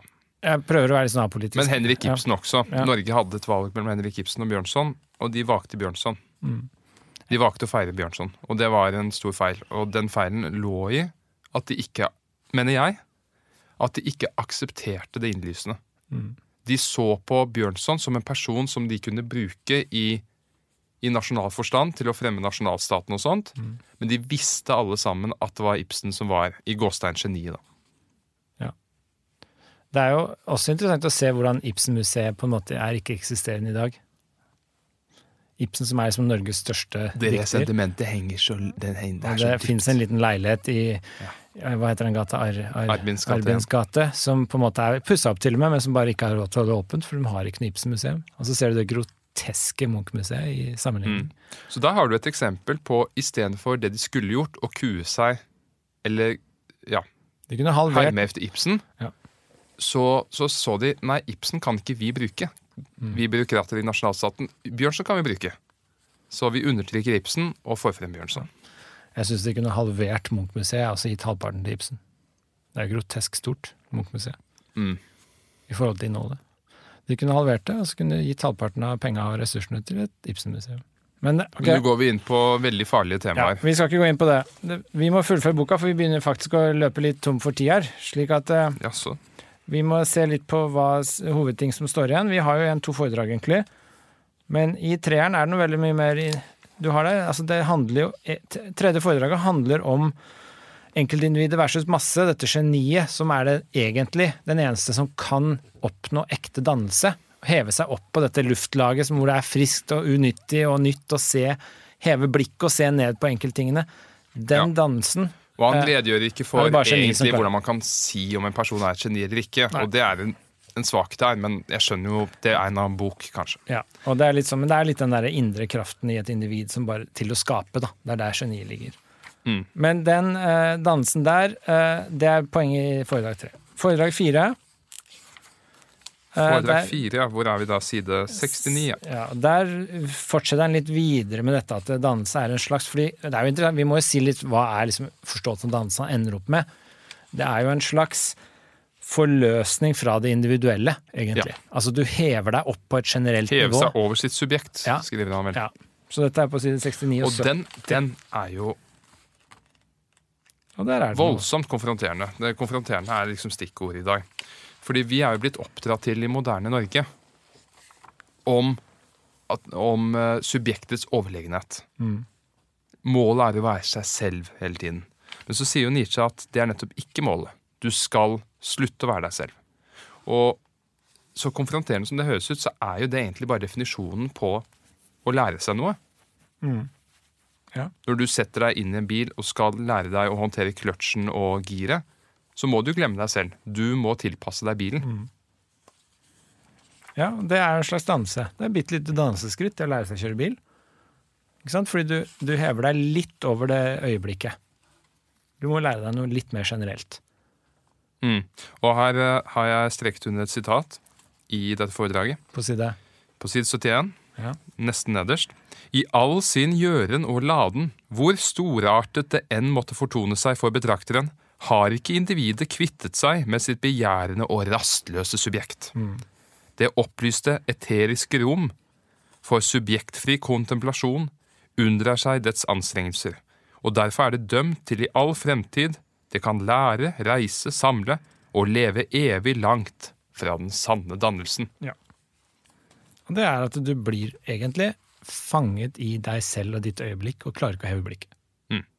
Eller klarer ikke å heve deg over det. Ja. Så man skal altså slutte å være seg selv. hver- Og det stemmer jo på mange måter. Altså hvis du lager et kunstverk, og du går på en, hvis du lager et kunstverk, da, så maler du noe som er veldig personlig for deg, som ingen andre kjenner igjen, fordi det er så personlig for deg, så er det helt uinteressant. Ja, det er jo det. Men hvis du maler eller lager et kunstverk som er veldig personlig for deg, og kraften kommer fra noe du har opplevd, osv., men du gjør det på en måte som gjør at det, det også sier noe om andre, da har du heva deg over ditt individuelle selv. Og det er jo på en måte der den store kunsten oppstår. Det er jo helt opplagt. Ja, for Det meg og veldig- deg er det det er opplagt. For meg og deg er det opplagt, Men man har jo bygget en hel mytologi innenfor den moderne kunsten å gå på subjektet. Ja, jeg vet, men det er, ja, men altså, det er jo Det er jo ikke den store kunsten. Alle Det vet er jo en Vi del vet jo det innerst inne, alle, gjør vi ikke? Nei, tror de vet det selv, Nå har du sittet uh, inne i hulen din. Du har ikke vært ute i samfunnet på lang tid, Einar. Jeg tror de kunstnerne som maler noe veldig personlig og privat uten å klare å heve det opp til noe som gjelder publikum òg, de vet jo innerst inne at de ikke har lykkes å lage stor kunst. Ja, de kan det tror godt hende de sier noe annet, men innerst inne så sliter de med det mindreverdskomplekset at de vet det. Jo, men da har du meget høye tanker om mennesker. Du tror altså at mennesker kan skille mellom sine egne tanker og massens. Tror du ikke det? Nei, jeg tror det er vanskeligere enn uh, som sagt, altså. Men se på side 70, for det sier også litt sånn midt på omtrent, så sier han eh, som, som gjennom sin kunst er valgt ut til den høyeste av alle oppgaver å forløse det moderne mennesket fra det modernes forbannelse. Det er igjen litt samme poeng, ikke sant? Altså det der å forløse deg fra din samtid, fra ditt øyeblikk, og komme deg opp på toppen, hvor det er klart luftlag. Helt unyttig, men du ser i hvert fall hva disse enkelttingene faller inn under. Da har du heva deg opp. Det er det dansen går ut på. Ja. Og så vil jo kritiske røster da si at kan man heve seg opp dit? Ja. Sitter man ikke fanget? Ja, ja, altså det er jo en gradsforskjell. Jeg tror det- Noen kan det i større grad enn andre. Noen klarer å skrive en bok som sier noe mer generelt og universelt enn andre. Ja. Skriver du om ditt forhold til smarttelefon, så er det veldig konkret og partikulært og tidsmessig, men hvis du klarer å gjøre det på en måte som sier noe om f.eks. avhengigheten din av en annen ting enn deg selv som du ikke har lyst på egentlig, så sier du noe mer generelt. Da kan det bli en mer interessant bok. Mm. Jeg tror jo folk klarer det. Ja, det er derfor Er ikke det sånn du tenker når du maler et bilde? Jo, men eh, det, er også derfor eh, Spielberg, den amerikanske filmregissøren, nesten alltid unngår biler Nei, ikke biler, unnskyld. Men unngår mobiltelefoner og politi. Ja. Eh, og litt sånn forskjellig. Det finnes en liste. Og det er fordi han føler at eh, det går i veien for fortellingen. Ja, ja. Den universelle fortellingen. Mm. Det har jo vært mye diskusjon om det i romaner og sånn. Altså hvis man skriver, hvorfor skriver ikke flere forfattere inn sånne samtidsting, sånn derre mobiltelefonen og sånn? Det er så lite av det i disse bøkene. Og det er jo fordi de prøver å på en måte ikke binde seg for mye til akkurat her og nå. Mm. Og det, så her er det en gradsforskjell. Noen evner å løfte blikket mer enn andre. Og den absolutt store kunsten som står seg over tid, er jo den som har klart det på en måte som gjør at den fortsatt er aktuell. Mm. Men dette er vanskeligere enn noensinne, og apropos den, eh, si, den blindgaten jeg gikk, gikk ut for, for en stund siden, da jeg begynte å snakke om gamle føydalsamfunn kontra moderne tid, hvor alle kjøper inn til seg selv og sånn, det er faktisk ikke så urelatert til dette. Ja. Fordi vi lever i et samfunn hvor man stort sett gjør egne innkjøp, man tenker på seg selv. Og hele reklameindustrien er designet for å nå deg som individ, ikke, ikke noen grupper. Du vil ha denne snickersen i dag. Du vil ha dette Netflix-abonnementet i dag. Så vi lever jo i et samfunn hvor man blir hele tiden påminnet sitt eget subjekt. Mm. Og presset på. Det er ikke bra, vet du, fordi det legger jo enormt press på folk også. eh, Å drive med dette subjektet istedenfor bare å tenke på noe annet. Mm. Hvis du skal drive og jobbe med ditt eget subjekt hele tiden, så blir du veldig selvopptatt, det blir veldig masete. Men hvis du bare kan slippe det, bare tenke på jobben du skal gjøre, og tenke på noe utenfor deg selv, så tror jeg du opplever også mye Ja. lettere tilværelse. Det er kanskje litt av kjernen i dannelse. Du må ha fokus også. på noe annet enn deg Du selv. skal, dannelse er å tilintetgjøre selve, Ja. kanskje. Til og med. Ja, det, jeg syns det er veldig Ja, det er interessant. Hva Og det er jo i dette foredraget at han kommer med den påstanden, eller den klargjøringen, eller, om at jeg for min del kjenner bare en sann motsetning, dannelsens institusjoner og livsnødens institusjoner. Til den andre kategorien hører alle de eksisterende, om de første derimot ta, taler jeg. Og da sier han jo at når jeg har snakket om gymnaset, så har jeg egentlig ikke snakket om en dansesinstitusjon, sier han. Jeg har, det jeg har snakket om hele tiden, det finnes ikke. Hva er det han har snakka om, da? Da må vi jo til foredrag fem. Ja. Ja, det, slutten her er jo ganske sånn episk, da. Jeg syns jo slutten tar seg opp veldig. Eh, Og, På foredrag fire? nei, fem. Altså hele foredrag fem. Jeg syns det på en måte Ja, fordi det, men jeg vil først si at det som til lytteren at det som skjer i foredrag fire, Ja. er jo at de skal til å gå. Denne filosofen og studenten. Men våre iakttagere, disse studentene, de har da sittet og lyttet inntil da. Og de springer bort til filosofen, filosofen fordi de har lyst til å takke ham. Det var så interessant å lytte til samtalen, og så videre. Og så begynner de å komme med noen innvendinger mot filosofens tale. Og da blir filosofen voldsomt provosert. Som vi filosofer blir når folk er uenige. Ja. Ja. Hvis jeg kan finne det. Er du, begynte du på fem nå, eller er du i fire fortsatt? Nei, dette er nummer fire. Ja. Jeg, vil, jeg vil bare avslutte med Ja. Fordi disse unge studentene kan ikke forstå hvordan disse store geniene oppstår. Eh, og den gamle filosofen angriper dem fordi de behandler genier som selvfølgeligheter. Dette er et vanskelig spørsmål. Jeg lurte på om du har tenkt litt på det. Eh, fordi min far har alltid sagt til meg eh, Ibsen for eksempel, ble skapt til tross for sitt land. Ja. Um, har ingenting å gjøre med landet. Og han har egentlig sagt det om mange genier. Men samtidig så er det noen land hvor flere storheter fødes Ja. enn andre. Så hva er dette for noe? Skapes storheter av et land, eller skapes de av seg selv? Nei, det er et veldig vanskelig spørsmål. Altså, det er jo sånn som Tyskland har liksom, hvor, Jeg har tenkt på det i forhold til filosofi. da. Hvorfor har Tyskland en så lang tradisjon med filosofer, og Norge ingen? Store filosofer på samme nivå. Hvorfor er det sånn? Vi ligger jo vegg i vegg omtrent. Hvorfor kunne det ikke være likt fordelt? Skandinavia generelt, ikke sant. Så det er nok eh, Jeg vet ikke. Det er ganske interessant. Det er sikkert en del sånn Jeg tipper det er veldig kompleks, sånn der interaksjon mellom litt sånn arvelige ting som går igjen, som oppstår et sted, og det går jo arv en del ting eh, fra folk til folk, og så litt sånn tilrettelegge for ting som kan blomstre, og så det, kan det være veldig subtile mekanismer som tilrettelegger for det, som vi ikke ser, da. Men hvorfor? Jeg har ikke peiling, det er veldig vanskelig.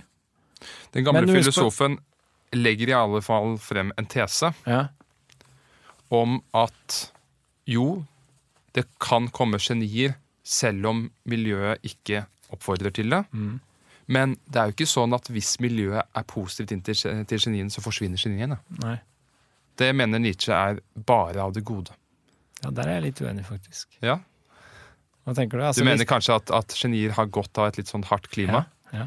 Altså hvis, hvis Norge hadde omfavna Odd Nerdrum på slutten av 70-tallet, og bare hylle han og gjort alt for han fra 78 og utover, så er jeg ikke sikker på om Gustavsen hadde blitt like bra som han er i dag. Dette her er en luguber eh, Jeg har tenkt litt på det. Altså, det er litt tricky, akkurat det der. For, men altså, jeg tror også det kan kvele mange ved at Ja. det får for hard motstand. Eh, Men så er det de derre individene som jeg også mener, f.eks. Ja. din far er et eksempel. Altså de som har litt sånn indre kraft som bare slipper seg løs til tross for veldig mye motstand. De er jo veldig imponerende i ettertid fordi de, og Ibsen er sånn, ikke sant, altså fordi de hadde en enorm kraft selv om de møtte motstand.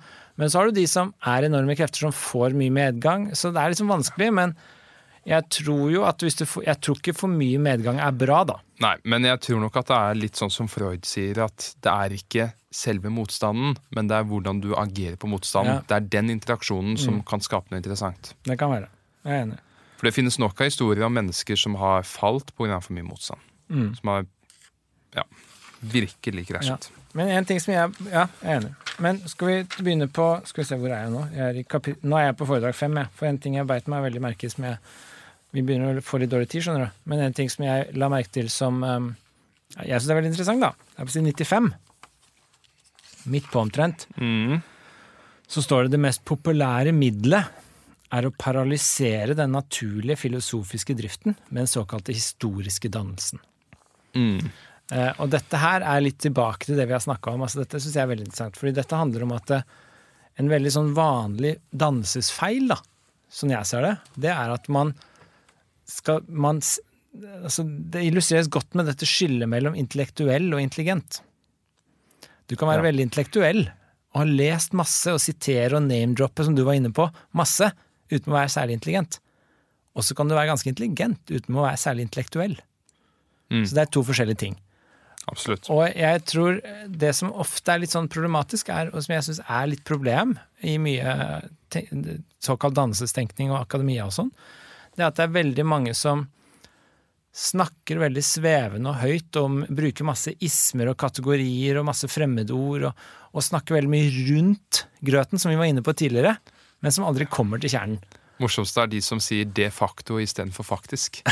Ja, men det er litt sånn, altså, du, du bruker veldig mye sånn krydder rundt, da, og så kommer du aldri til selve kjernen. Hva er egentlig innholdet? Hva sier denne her til oss nå? Jo, men det er utrolig vanskelig å fange innholdet. Jo, men det er det som er Man det mest opp, interessante. man gir opp, og så klamrer man seg til fremmedord. Ja. Men det er det, det er det som er det Nietzsche senere kaller dansesfilistere.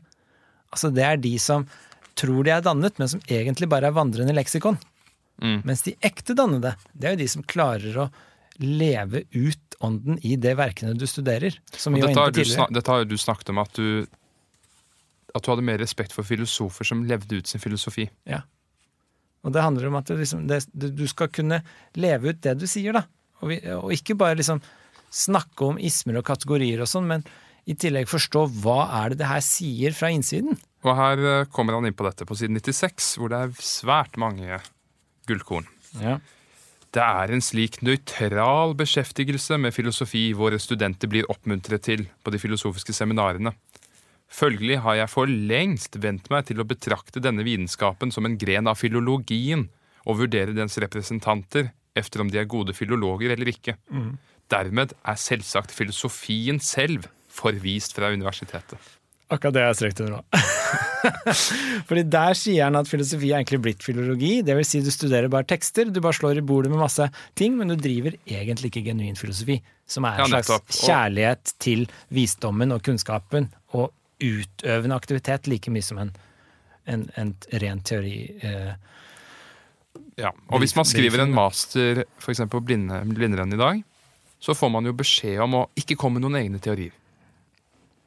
Altså ikke helt, viss- ikke helt selvstendig, da. Du skal, grad, ja. nei, du skal ha en egen teori, men det skal være en knagg på en tidligere teori. Ja, Og til en viss grad er det sånn. Mm. ja, det er ganske stor grad, har jeg inntrykk av. Det, er i alle fall- det blir iallfall sterkt oppmuntret til å ikke ha for Ja, men du må huske på at det, det handler nok litt også om det Nishi snakker om, at du må tuktes før du kan begynne å, å gjøre bra ting. Det er veldig dårlig det å begynne å lese Sartre, og så skal du begynne å slippe deg helt løs før du kan verktøyet. Mm. Så det er litt den opptreninga. Det er som disse kunstnerne som skal begynne å tegne uten å liksom klare å tegne. Jo, men det er fortsatt litt sånn at filosofien går over til å bli filologi.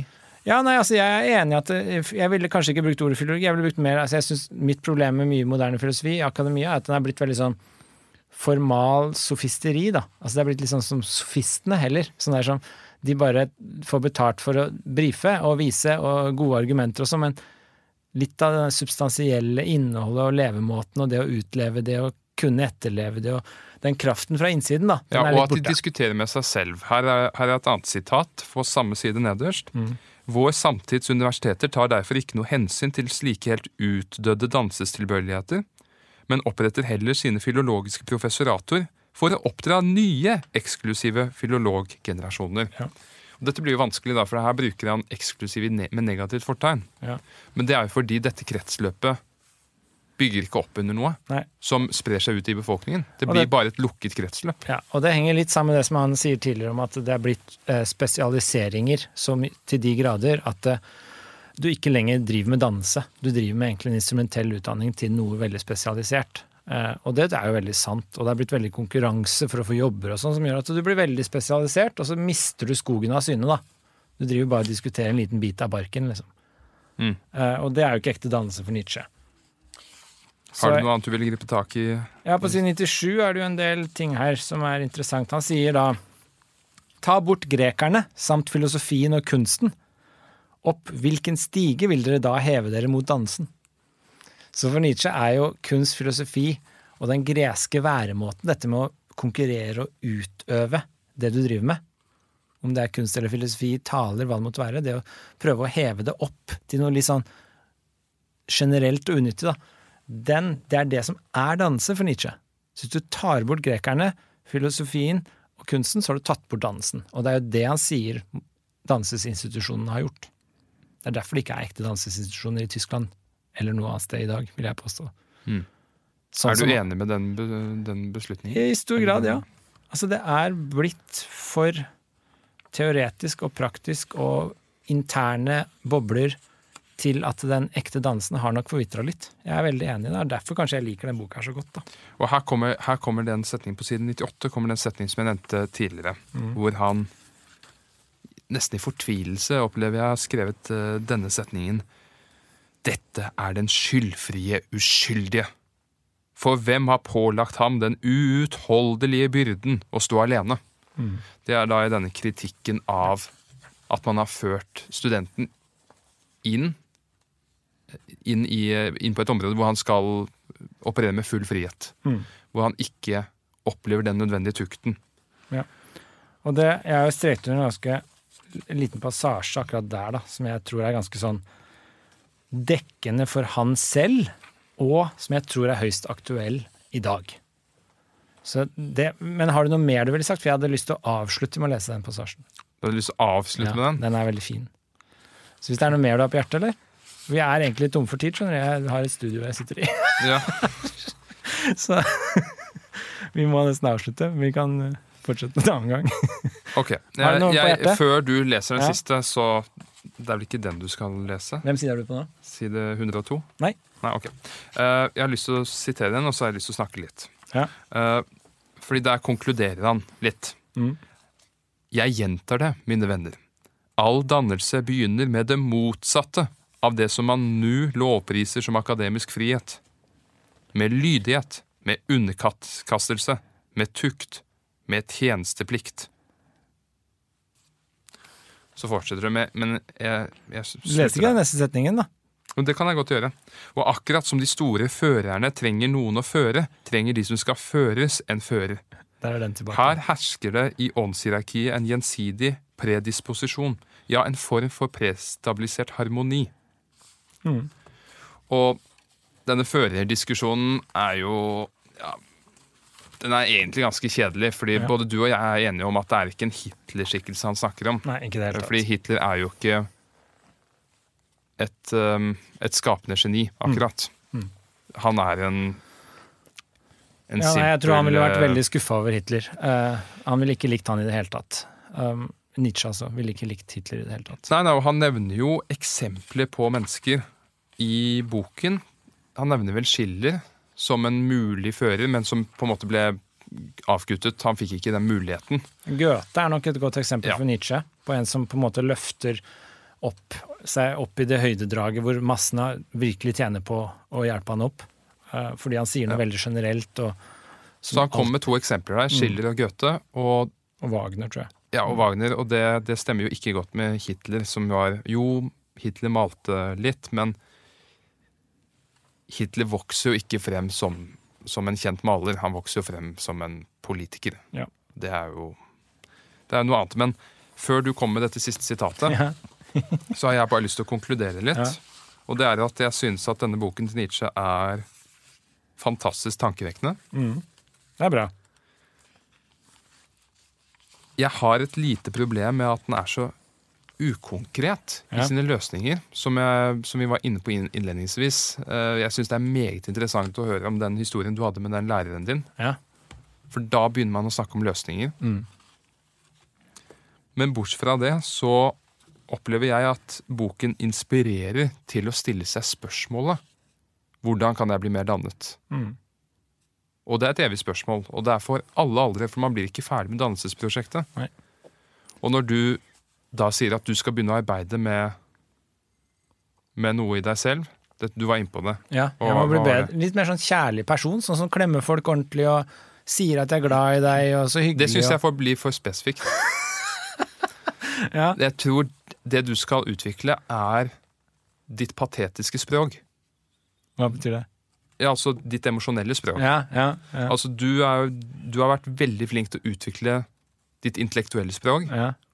Og nå skal du ta fatt og utvikle ditt emosjonelle Jeg er helt enig. Det er veldig klokt. Det tror jeg mora mi ville vært helt enig i. Ja. Men det er litt bredere enn bare Ja. at man skal liksom bli flinkere til å klemme. Ja. Det er så veldig spesifikt. Og det, Ja, det er sant. Ja, nei, kanskje det går som en pakke, da. At det er bedre det emosjonelle språket. Ja. Og være litt mer sånn åpen for å si, føl, gi uttrykk for følelser og sånn, da. fordi dansa har med å bli flink i noe. Ja. Sant? Jeg er helt enig. Så Altså, det, det å bli mer emosjonell i seg selv, det har, det har jo ingen verdi. Nei. Men hvis man aksepterer at det er en del av livet mitt, eh, emosjonelle, emosjonelle relasjoner og Mm. emosjonelle situasjoner, så kan man bli dyktigere på de. Mm. Hva skal du bli bedre på? Hva skal du bli mer dannet i? Jeg vet hva, jeg tror jeg går for det samme. Ja. Da har vi et felles prosjekt. Ja. Det er veldig bra. Da skal vi jobbe litt med det framover. Det er veldig bra. Det Da er, skal du få lov til å avslutte med ja, det er to ting jeg egentlig hadde tenkt, men jeg skal holde meg til én, da, siden vi har brukt opp tida, egentlig. Uh, ja. Men bare sånn kjapt først, la du merke til helt på slutten når han sier du står og hører på liksom et orkester med middelmådighet, og så plutselig er det en som spiller opp helt fantastisk i midten. Og da merker alle det med en Jeg gang. får en merkelig avslutning. Ja, men det er litt vakkert òg. Geniet bare stikker opp av massene. Altså, du hører litt sånn grums, og så plutselig bare kommer en sånn vakker tone ut, og da skjønner alle at det er geniet som stiger opp av massene. Det er det han vil frem til. Ja, og det er så interessant, fordi det han da påstår Det er jo litt som jeg sa tidligere, litt sånn, litt sånn ja, Man skjønte jo at Ibsen var den store. Ja. Så det er jo ikke noen begrunnelse. Man kan ikke bare si 'nei, man skjønte det', men det er jo det han legger til meg. Han, han påstår altså at man skjønner det. Mm. Du bør ikke forklare det, Nei. man skjønner det. Ekstremt uansvarlig. Men har ikke vi, jeg tror vi har snakka om det her en gang. Altså hvis du, eller kanskje jeg sa det i Jeg underviser i kurs i kunstfilosofien, kanskje det var der jeg tok det opp. Men hvis du, hvis, jeg, hvis du har en gruppe mennesker da, i et rom, og så sier du nå skal vi ha en konkurranse. Alle skal lage et kunstverk, og så skal vi bedømme det etterpå. Det er instruksen. Da blir det helt kaos. Men hvis, og ingen klarer egentlig å bli enige om hva som er best. For ingen, det, er ikke, det, er ikke, det er ikke nok instrukser. Men hvis vi sier nå skal alle lage en byste i leire av Øde. Så det skal være en, en portrettbyste av Øde. Mm. Eh, da har du mye mer instrukser. Og da tror jeg, og dette tror jeg vi har snakka om en gang, at det, det ville være ganske fort enighet om hvilke som var best. Ja. Alle ville bare sett med en gang at to-tre stykker var liksom wow, de fikk til en byste av Øde, mens alle var litt sånn alt var rart. Veldig mange hadde bare blitt sånn rare byster. Alle hadde, så det hadde fort stikket seg ut et par stykker som veldig bra. Som best, da. Og det tror jeg er ganske sånn ukontroversielt. Fordi det er instrukser nok til at vi kan bedømme det. Det er litt det jeg tenker Og det til er, her. Og det er slutt forenklet nok. Vi har noe lignende på Nerdrum-skolen med én time, en enkel blyanttegning. Ja. Da selve mediumet er så enkelt, og mediumet er likt, Mm. og oppgaven er så enkel at man ser veldig lett Ja. hvilket som er best. Og det handler jo om den der at du får en tradisjon som er gammel nok og etablert nok til at du kan tuktes, og da er det veldig lett å bedømme hvem som er best. Mm. Jeg tror det er veldig riktig. Men ok, nå skal jeg lese. Nå lover jeg. Nå blir vi kasta ut snart. Nå skal, jeg, nå skal jeg lese siste sitat her. Men da leser jeg det, og så avslutter vi rett etterpå. Så jeg bare tusen takk, Øde, for at du kom. Tusen takk, Einar. Det har vært kjempehyggelig. Da leser vi avslutningen her. I en tid hvor studenten tilsynelatende er den eneste egentlige frie i en virkelighet av funksjonærer og underordnede, må han bøte for denne illusjonen av frihet med stadig tvil og fornyede kvaler. Han føler at han ikke kan lede, ikke kan hjelpe seg selv, så dukker han fortvilet ned i dagens og det daglige arbeidets verden. Den mest trivielle foretaksomhet innhyller ham, slappe synker lemmene hans. Plutselig tar han seg sammen igjen. Ennå er ikke kraften som har holdt han oppe, helt lammet. Stolte og edle avgjørelser blir til og vokser i ham. Det skremmer ham å skulle synke hen i trang, smålig fagmessighet, og han griper etter støtter og stolper for ikke å bli revet med av denne flodbølgen. Forgjeves, støttene gir etter, for han hadde grepet feil og holdt seg fast i skrøpelige rør. Med en følelse av tomhet og trøstesløshet ser han sine planer gå opp i røyk. Hans tilstand er avskyelig og uverdig. Han veksler mellom overspent aktivitet og melankolsk resignasjon. Han er trøtt, lat, frykter arbeidet, viker tilbake for alt som er stort, og hater seg selv. Han analyserer sine evner og tror å se inn i hule eller kaotisk utfylte rom. Så styrter han igjen ned fra den innbilte selverkjennelsens høyder og ned i en ironisk skepsis. Han avkler sine kamper deres viktighet og føler seg beredt til enhver virkelig, om aldri så simpel, nytte. Han søker trøst i en hastig, uavlatelig gjøren og laden for å skjule seg selv, seg for seg selv, og slik driver han hans rastløshet og mangel på en fører ham fra den ene tilværelsen til den andre. Tvil, oppsving, livsnød, håp, fortvilelse, alt kaster ham hit og dit, og som et tegn er alle stjernene over ham, som han hadde kunnet styrte skipet sitt etter, slukket.